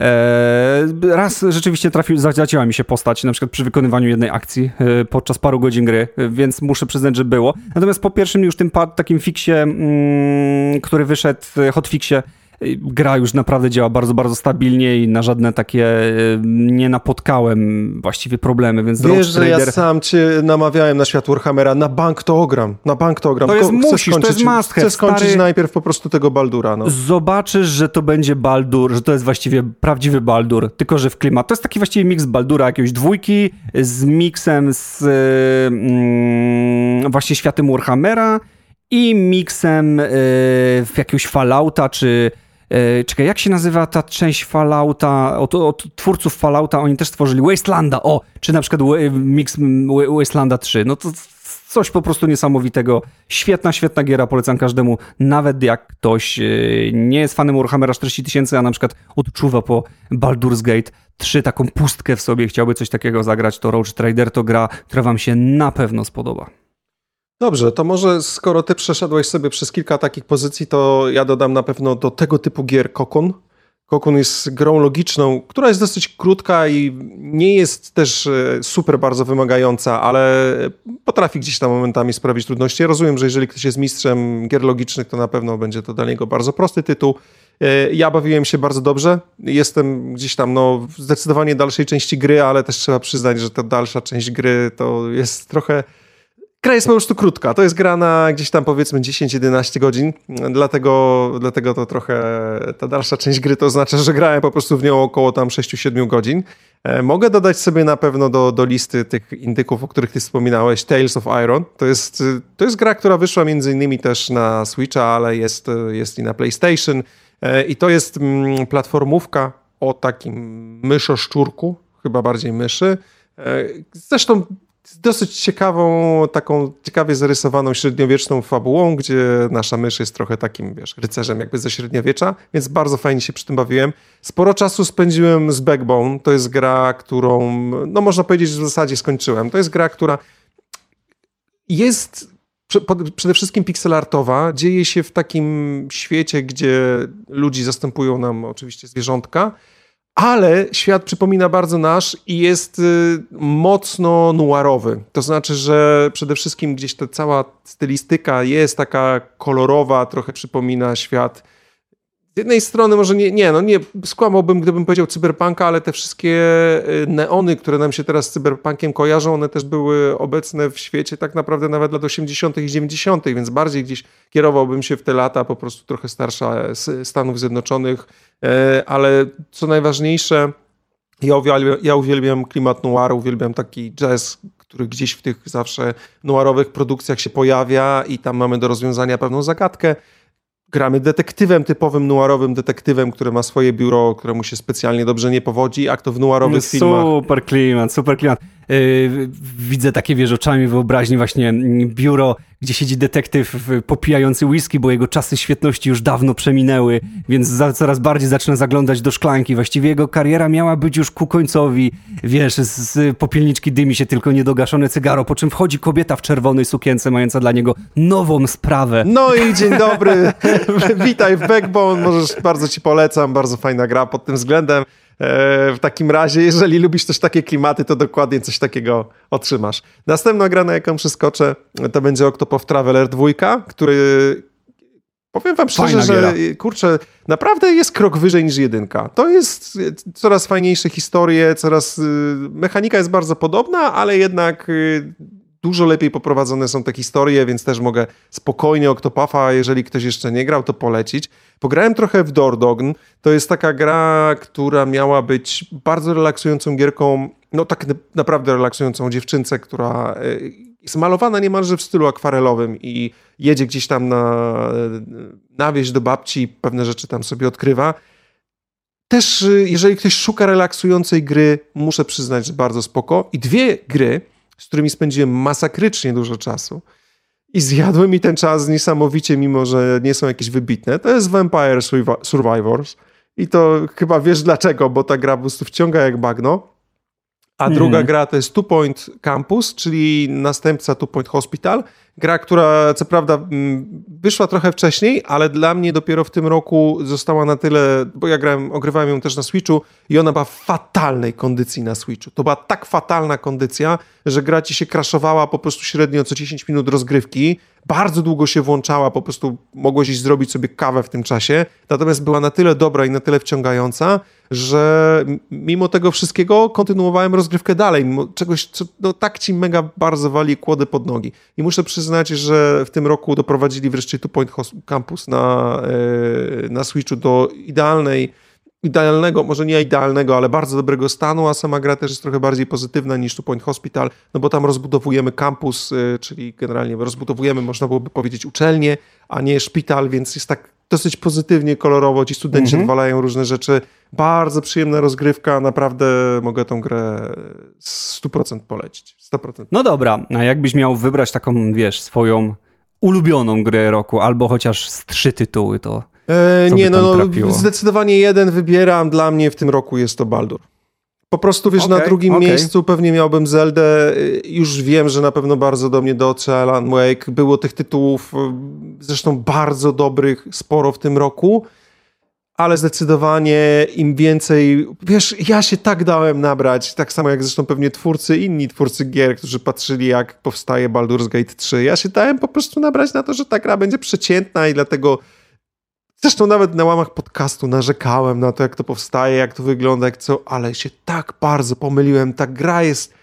Tam to jest, no. jest kolejna gra, że po prostu liże ściany. Mam w tym momencie no nabite no. chyba, nie wiem, jestem gdzieś na etapie 40 paru, pod 50 godzin powiedzmy gdzieś i jestem na etapie jednak bardzo wczesnym gry, bo dużo rzeczy rozgrywam sobie kilkukrotnie, żeby zobaczyć, jak to się może potoczyć, jak to wygląda. Jest z czystej ciekawości, potem dopiero wracam do swojego normalnego save'a, albo czasami zaglądam w miejsce, gdzie, miejsca, gdzie normalnie pewnie nikt by nie, nie zajrzał. Często dostaję jakieś achievementy w stylu, że wszystkie poboczne e, duperele zostały rozwiązane, więc no, jestem po prostu tam zachwycony tym światem, zachwycony tym, jak wiele wątków, jak wiele przede wszystkim możliwości dali nam twórcy i że one się faktycznie różnią, że to nie jest taka uda jak w wielu grach, gdzie mhm. dostawaliśmy jakąś taką iluzję tego, że możemy coś wybrać, ale tak naprawdę to wszystko szło w tym samym kierunku. Tutaj tak naprawdę nasze wybory zmieniają bardzo dużo i a dlatego też aż często zachęca mnie to, żeby zrobić sobie save'a mojego głównego, a potem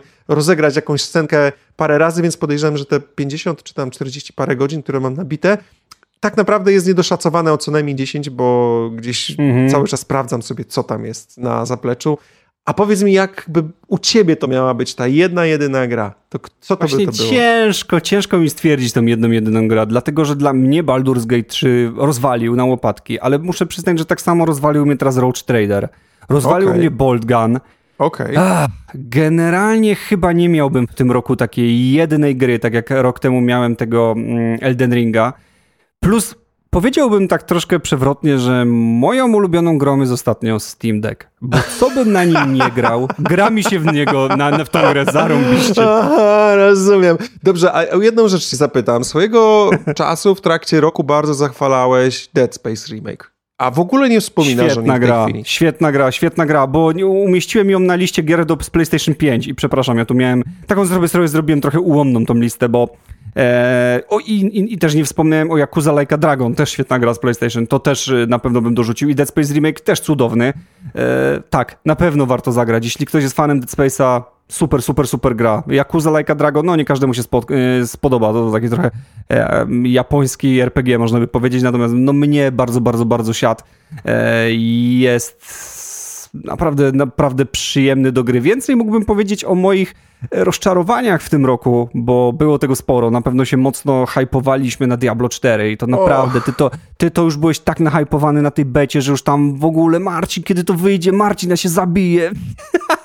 No, Marcin, tak ja już tak było. chcę zagrać.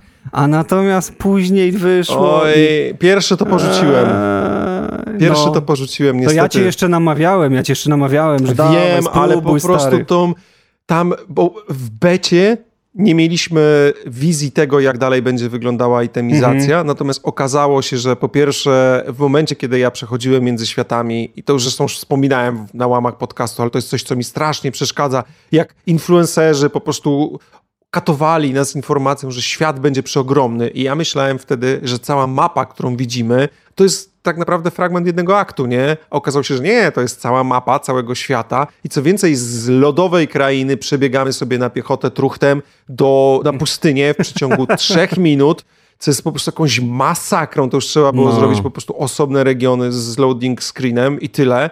Co więcej, wszystko jest mega powtarzalne, bo donżony są po prostu zrobione no tak na odpierdol się po prostu, no to jest tak... no plus tak- co najgorsze chyba. Takie chyba lenistwo po prostu. Poza tym najgorszym elementem tej gry jest niestety to, że tam całkowicie jest e, zwalona itemizacja. Po prostu nie ma sensu zbierać tych itemów, bo to się kompletnie kupy dupy nie trzyma.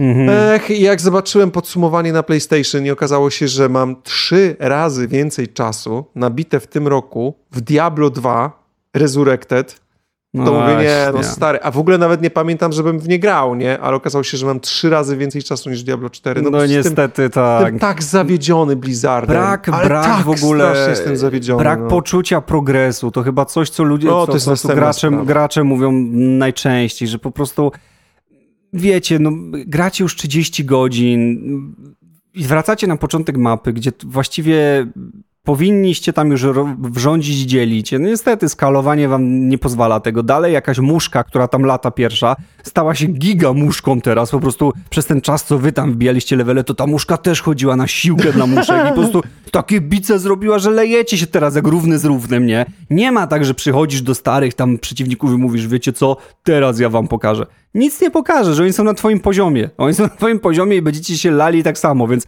szczerze, ten brak progresu jest po prostu tragiczny. Ja się od tego właśnie odbiłem.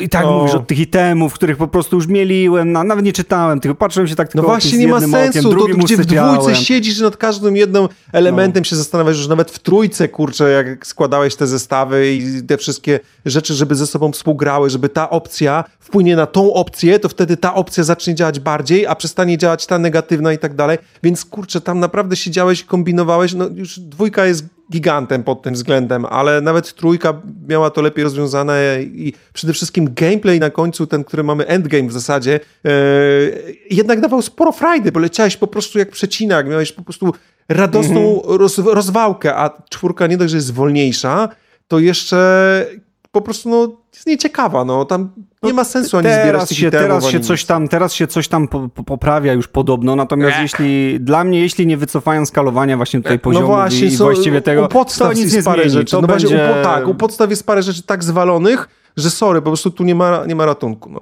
Nie wiem, ja No jestem... niestety, to no. jest dla mnie, jeżeli, mamy, jeżeli mnie zapytasz o największe rozczarowanie roku, od razu mówię pierdolone Diablo. No po prostu Tak, jestem tak. fanatykiem dwójki. Jestem absolutnie, uwielbiam serię Diablo. Mogę powiedzieć, że to chyba poza ewentualnie właśnie może Baldurem, moja ulubiona seria gamingowa ever. No po prostu to, co się stało z czwórką, jestem tak zawiedziony, że tak jak byłem zawiedziony Starfieldem, to ja bym wziął tego Starfielda i powiedział, dawaj go, przejdę go całego. Już, mm -hmm, gramy. Mm -hmm. A Diablo, no fucking hell no, no nie, no Ładnie. po prostu tak bardzo bym chciał, żeby coś z tej gry było. Wiesz, no to dlatego czekam na to Path of Exile 2, które zawsze Ojej, Path of Exile mnie... właśnie, właśnie.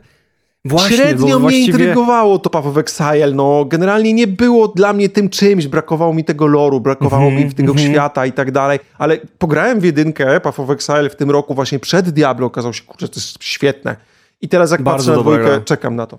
Po no nie, no to co pokazali, to właśnie to już tak płynnie sobie przechodząc do gier, może na które czekamy, to, to właśnie powiem ci, że no, czekaj, sobie... czekaj, to chociaż skończmy. Ja tak tylko powiem listę rzeczy, które mnie jeszcze gier, które mnie rozczarowały, bo było a, trochę a tego. ty masz li, a ty, ty Słuchaj, nie, no bo Forspoken zawiedziony. zdecydowanie a. Forspoken dla mnie było jedną z takich gier. To kolejna gra właśnie, to jest to, to jest to, czym w tym momencie stoi PlayStation. TPP, które jest miałkie, z miałką fabułą i dla mnie po prostu, to jest, to jest dla mnie synonim tego roku na PlayStation, może pomijając właśnie Spidermana.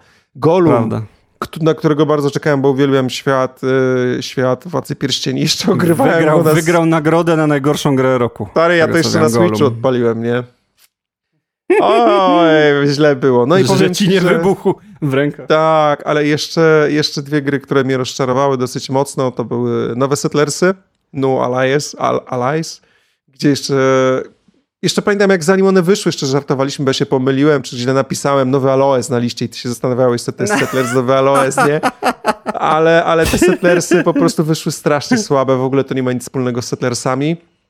I tak samo remake gry Faraoch, która, na którą bardzo czekałem, to się teraz nazywa Faraoch New Era, też no tak. na premierę bardzo nie dowiózł, chociaż słyszałem ostatnio, że twórcy zareagowali na, na to, że ludzie narzekali na ich zmiany, które oni wprowadzali do gry i podobno wypuścili jakąś łatkę, więc do tego jeszcze wrócę, ale Settlersy i Pharaoh y, kolejne moje duże rozczarowanie i też o dziwo gry właśnie z peceta, dlatego, że no po prostu zacząłem sięgać po trochę inne tytuły niż... Y, niż y, I jeszcze TPP. bym, wiesz co, ja jeszcze bym tutaj dorzucił, bo skoro już tak rozochociłeś mnie, powiem ci, że tak ulokowałem swoją nienawiść w Diablo 4, że aż zapomniałem w ogóle o innych tytułach, o których chciałem wspomnieć, a mianowicie o Kingpinie Reloaded, Kingpin, na no tak, koniecznie to czekałem po prostu bardzo, bardzo długo i okazał się Bo ty bardzo lubiłeś tak oryginał Kingpina. Słaby. Tak, ja lubiłem bardzo oryginał e, Kingpina. Okazał się tak słaby, że właściwie ludzie powiedzieli, że oryginał wydany w latach 90. jest lepszy niż to, no co jest. po prostu wypuścili tutaj. Wystarczy sobie wy, ściągnąć naprawdę oryginał z lat 90., plus dodać jakieś pierwsze lepsze dwa mody, usprawniające ciutkę oczywiście rozgrywkę.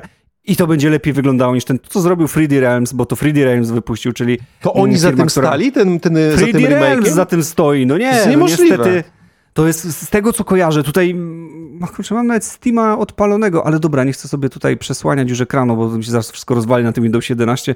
No może oni są tylko funkcję, wydawcą, że... cholera, wiesz co, trzeba byłoby może, to sprawdzić. Może, może, może. Tutaj nie, dobra, 3D natomiast... Realms jest wydawcą, producenci to jest jakiś wydawcą, Sleepgate, okay. Iron No, Works ale że oni w ogóle dopuścili do tego, wiesz, żeby to w ogóle dopuścili do tego, że wydali coś takiego, no to to jest bardzo, bardzo słabe. No to Kingpin to jest tragedia. I oprócz tego jeszcze dorzuciłbym jedną tragedię, na którą czekałem. E, znaczy, czekałem na grę Flashback 2, bo Flashback to nie wiem, czy pamiętacie, że Flashback to yy, taka platformówka z lat 90., Mm, no klasyk po prostu, ktoś, kto wychował się na grach z tamtego okresu, to flashback, to każdy wiedział, co to jest. Troszkę jak e, The Another World, coś w tym stylu. No i teraz miała wyjść dwójka, która no niestety ma na Steamie ocenie, oceny bardzo negatywne, raczej na czerwono jest tam, może nie przytłaczające, ale w większości negatywne. Oczywiście zdarzają się pojedyncze po, pozytywne komentarze, natomiast po tym, co sobie obejrzałem i po, po, po gameplayu nie grałem tutaj, to no jeśli na Steamie jest 80% negatywnych ocen, to Man, zwłaszcza, że czytam jeszcze te opinie i tam właśnie Boże, są ludzie, którzy... Poczekaj, Marcin, usiądź, bo wiem, że często nagrywasz stojąc. No... Sleepgate Ironworks. Gra, te oni stoją, studio, które stoi za Kingpin Reloaded. Google podaje mi taką informację. Założyciele John Romero. Siedziałeś? Czy żeś zemdlał tam? Nie wierzę, nie wierzę, że Romero zaczął odwalać taką, taką po prostu kaszane, a powiem wam, że teraz aż mi się przypomniało, że w tym roku też cieszyłem się z tym, że udało mi się wymienić parę słów z Johnem Romero, bo napisałem niego na privie, że ktoś się podszywa pod jego profil i w ogóle odpisał mi. Tam chwilę, wymieniliśmy parę zdań i pamiętam, że w jednym z odcinków chwaliłem się tym, że po prostu Wiesz co, ja nie wiem, czy on dalej jest powiązany z tą e, firmą. Zaraz zacznę to sobie sprawdzać, bo to jest Ale później, wiecie co, później ja byłem taki w ogóle fantastycznie zadowolony tym, że, że, że w ogóle z nim pogadałem, że jednak no, wychowaliśmy się na ich grach, a wiedziałem, że to, to jest on, bo on prowadzi swój profil e, sam, wiem, bo to pisał nieraz, zresztą się zapytałem, czy to on, powiedział, że to on. No mniejsza z tym. To na przykład później wszedłem na jego stronę, tam Romero, jakiś tam com, tak, oczywiście nie takie zadres, ale jakieś tam możecie sobie to po prostu wygooglać. I wiecie, co gość sprzedaje? Gość sprzedaje, do, do dzisiaj odcina kupony z Duma, tam sprzedaje na przykład jakieś tam bleroczki do kluczy z Duma, z piłą mechaniczną i tak dalej, ale na przykład możecie sobie kupić 15 minut na Teamsach z Johnem Romero za ileś tam tysięcy dolarów. I to nie co? była jakaś wygórowana kwota. Tam załóżmy, że za 5 tysięcy dolarów płacicie i zdzwaniacie się na 15 minut z Johnem Romero na kamerkach i zagadacie. Gość rozmowy z sobą, no możecie wejść, tam pamiętam, że było, że i w trochę mi szczena upadła, bo gość już naprawdę chyba musi chyba przeulał Znaczy wiesz co, ja pamiętam ten moment, jak on zapowiedział e, Black Rock? Black... Kurczę, taki tytuł, e, który miał być jego FPS-em, miał być taki przełomowy, zrobił trailer w ogóle, wiesz, filmowy, jak stoją tak, na pole. Nie, no, to się, już nie pamiętam w tym momencie tytułu, ale bardzo mocno to zhypował w ogóle oczywiście, to było niedawno, to było tam powiedzmy 2-3 lata temu, gdzie zhypował ten tytuł strasznie, zrobił filmik, w ogóle powiedział, że to będzie przełom FPS-ów, po czym jakby temat totalnie... No tak, tak, tak, dlatego, dlatego jak zobaczyłem, że można się z nim umówić na rozmowę za pieniądze na kamerkach, to, to chyba gościowi muszą się kończyć fundusze, że w nie inwestuje w co się da. No dobra, no, no cóż... E, Wydaje Myślę, mi się, że, to... że, już nie jest powiązany Romero w tym momencie z tą firmą. No, ale, ale widzisz, ale niesmak pozostał, jak to mówią. no, no, no szkoda, szkoda, bardzo słaba, bardzo słaba gra i tyle. No przyszły rok, już tak odchodząc od naszych zawodów, e, patrzymy się na przyszły rok na pewno tutaj z otwartymi oczami, no bo właśnie tak jak mówiłeś, to Path of Exile, które było pokazane na Exile Konie, wygląda po prostu fenomenalnie, fenomenalnie i podejrzewam, że nie popełnią błędu Diablo i, i, i będzie tam, nie będzie tam jednak skalowania świata, tylko, tylko będziesz czuł ten progres, to, to by było po prostu niesamowite. Wtedy na pewno odpalam playkę i będę sobie na tym padzie grał na dużym telewizorze, bo jednak coraz częściej mi się w takie gry lepiej gra na padzie, jednak biega tym chłopkiem niż klika cały czas tą myszką. Znaczy do, takiej, e, do takiej rozgrywki faktycznie jest to świetna sprawa. Naprawdę jest to świetna sprawa, dokładnie, więc tutaj na pewno nadchodzi taka gra, jak i oczywiście mamy już zapowiedzi PS Pro, e, jak i nowego Switcha, no to, to jest myślę bardzo, bardzo, bardzo yy, ciekawa informacja dla nas graczy, zwłaszcza dla Andrzeja, ten Switch 2, no to już pewnie tam nogami pod stołem przebiera. Co do PS5 Pro, no to jak na razie patrząc po ostatnich wydarzeniach, tymi nogami przebieramy chyba mniej. Może nie wydarzeniach, a naszych nastrojach. O tak bym to Myślę, że dużo osób może czekać na PS5 Pro, jeżeli to jest ich główna konsola i liczą wreszcie na 60 klatek w 4K. No tak, ale cóż z tego, skoro gry będą dostosowane pod PlayStation 4 dalej i ten Nie, no już trochę jest odcięta ta czwórka. No Wydaje no mi się, że jest tak, odcięta. Ale... Wiesz co, ja muszę z, mm. jedną rzecz sprostować. John Romero był, był zamieszany w Interceptora, e, natomiast, znaczy w sensie w Sklipgate Ironworks, bo tutaj jakby jest wcześniejsza nazwa, natomiast e, głównym założycielem był Frederick Schreiber i tutaj, e, żeby, żeby po prostu nie zarzucono nam, zarzucono nam pomyłki, to wolałem to sprawdzić. Tutaj ta historia jest dosyć długa i oczywiście Romero się w niej miesza, ale to już nie będziemy się aż tak bardzo wdawać w to, tylko po prostu chciałem sprostować błąd, doczytując gdzieś w trakcie. Mhm. A wcześniej no tak, odpowiadali, tak, tak, jeżeli, jeżeli. Dobra, no mniejsza o to. W każdym razie yy, mnie PS5 Pro w ogóle nie interesuje, bo ja nie jestem aż tak bardzo no, aż tak bardzo nastawiony na 60 klatek nie, nie jest to dla mnie aż takim dużym problemem. Nie, nie, bawię się źle w 30, chociaż wiem, że dla wielu osób jest to mega istotne. Za to na nowego Switcha bardzo czekam i to jest konsola, którą na 100% sobie kupię na premierę. To jest w znaczy, ogóle... wiesz, już, już w 60 FPS-ach na, na PlayStation 5 sobie grasz, tylko musisz włączyć sobie tryb performance, Tak, ale ja nie włączam. Z ja, ja, nie? Tak, no ale widzisz, no ja włączam sobie zazwyczaj tryb 30 klatek, który po prostu ładniej wygląda. Serio, no dla mnie to nie... Ja wiem, że ty mi pokazywałeś w przypadku Noob. Wiedźmina, że... Noob.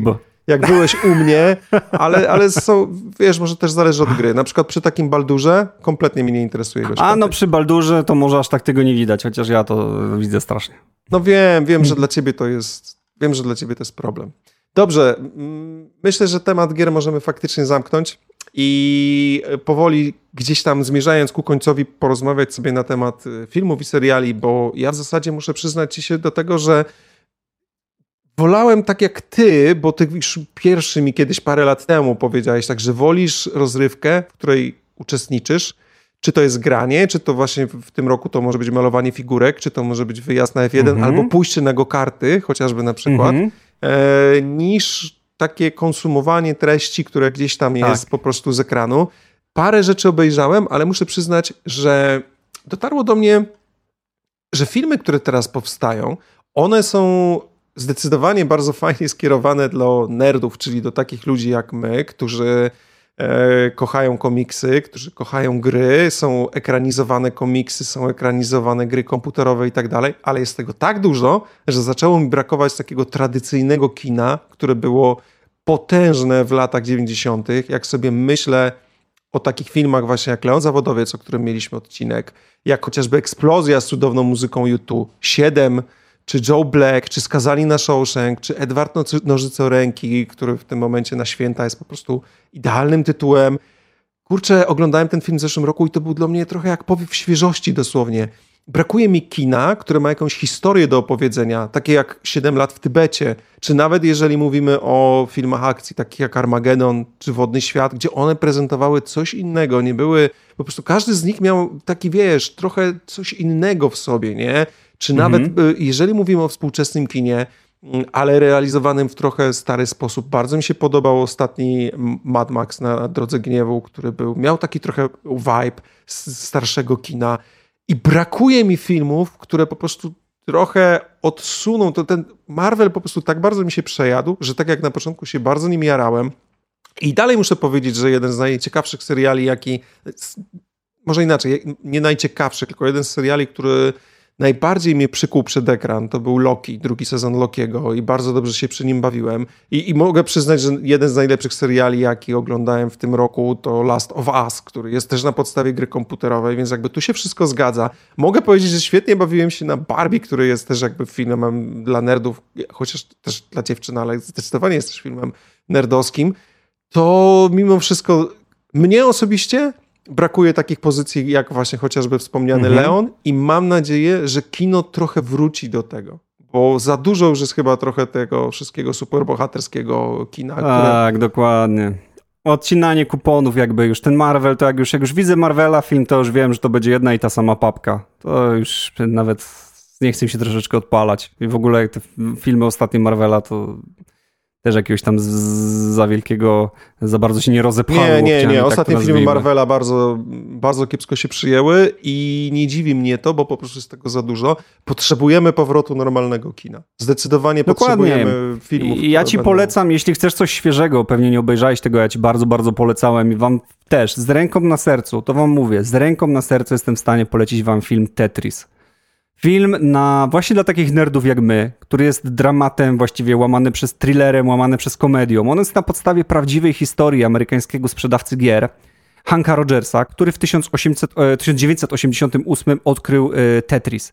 No i oczywiście, jak wiemy wszyscy, albo i nie, Tetris e, został napisany po prostu przez pewnego gościa mieszkającego w Rosji, chyba w Moskwie dokładnie, który sobie miał tam można by powiedzieć, troszeczkę pracował z komputerami w IT, jak na tamte czasy, i napisał sobie tą y, grę y, w jakichś tam przerwach.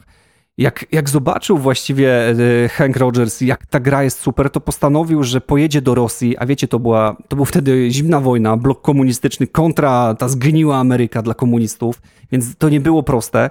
Jedzie tam, odszukuje tego twórcę i stara się e, podpisać umowę na wydanie właśnie Tetrisa, który jak wiadomo finalnie został dołączony jako darmowa gra do Game Boya, czyli był grą no, przełomową, można by powiedzieć. Właśnie twórcy Nintendo, mając do wyboru wiele gier, nawet nie dołączyli Mario, dołączyli Tetrisa.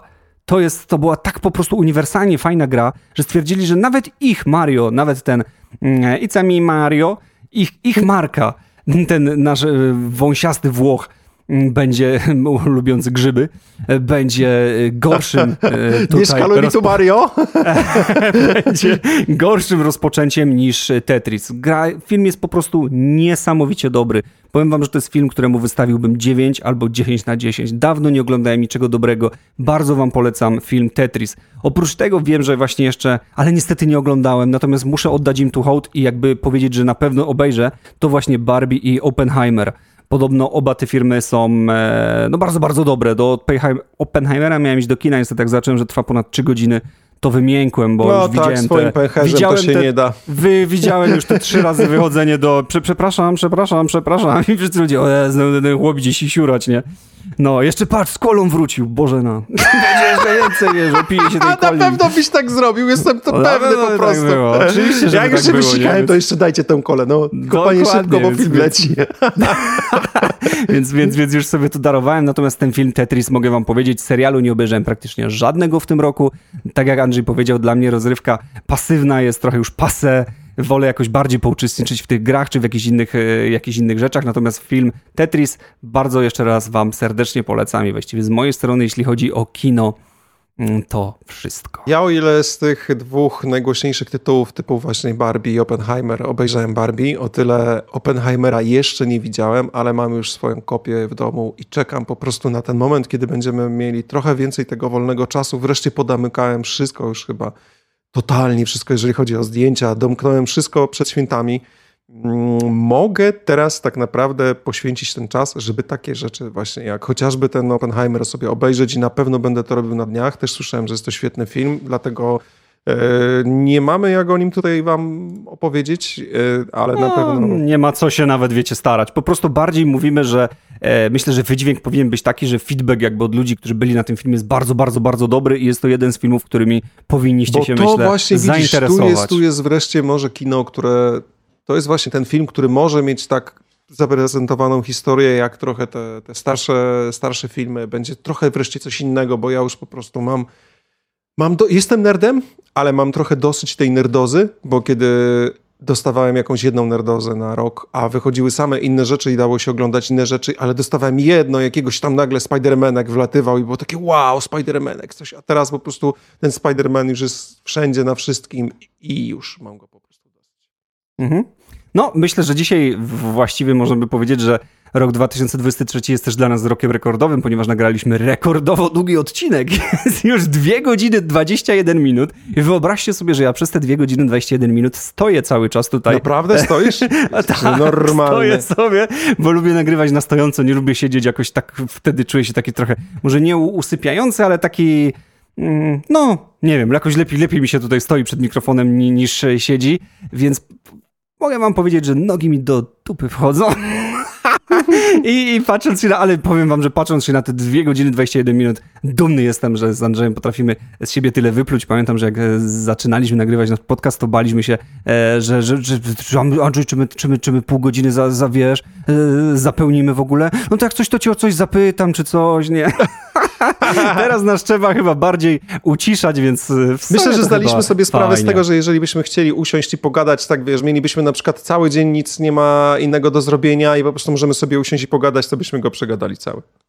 No i tak, myślę, że tak. No i cóż, w takim razie chyba to dzisiaj na koniec chcielibyśmy wam, chyba że masz jakieś piękne przygotowane życzenia, bo jeśli nie, to chcielibyśmy wam chyba życzyć po prostu no super świąt i fajnego Sylwestra. Mam nadzieję, że nie przybędzie wam za dużo kilogramów, mnie również e, i że spędzicie je w gronie rodziny i będziecie zadowoleni i jakieś fajne prezenty też wyhaczycie. Też dokładam się do życzeń jak najbardziej, bo to już w zasadzie z waszej perspektywy to już jest po Wigilii, więc już pewnie wyhaczyliście jakieś prezenty. Mam nadzieję, że udało wam się faktycznie coś fajnego dostać. Możecie się pochwalić, jeżeli to były jakieś rzeczy związane trochę z naszą właśnie typową nerdozą, z grami, albo może nie tylko z grami. Może ktoś z was dostał coś związanego z Warhammerem na święta. Dajcie znać. Koniecznie w komentarzach. I tak jak wcześniej na początku odcinka mówiłem, mamy do was prośbę, o jedno jedyne polecenie. To jedno jedyne polecenie w roku, żebyście jed... komuś gdzieś tam, kto może podobnych tematów, y, jak, o jakich my rozmawiamy, gdzieś tam być zainteresowany, to jedno jedyne polecenie, jeżeli komuś podrzucicie, będziemy Wam bardzo wdzięczni. A dzisiaj kończymy ten odcinek. nagadaliśmy się całkiem nieźle i muszę przyznać, że gdzieś tam moje gardło już jest po prostu w stanie krytycznym, biorąc pod uwagę, że, że po prostu jeszcze parę dni temu ledwo mówiłem. Dziś kończymy i wracamy do was w zasadzie już w nowym roku, także już następny odcinek tak. będzie, będzie odcinkiem ja będę, po nowym roku. I ja będę, mam nadzieję, że nie będę musiał leczyć żylaków, bo po prostu moje, moje uda i łydki napuchnięte od godzin, od dwie, dwóch i pół godzin stania. No nie no, kiedyś myślałem, że najgorsze za dzieciaka to będzie stanie w kościele godzinę i już mi nogi wchodziły do, do, do D, ale widzę, że jednak można stać jeszcze dłużej. Tak więc myślę, że to też dla mnie był mm, dobry trening. No co, dzisiaj już się z wami żegnamy. Wszystkiego dobrego w przyszłym roku i do usłyszenia. Cześć. Do usłyszenia, cześć.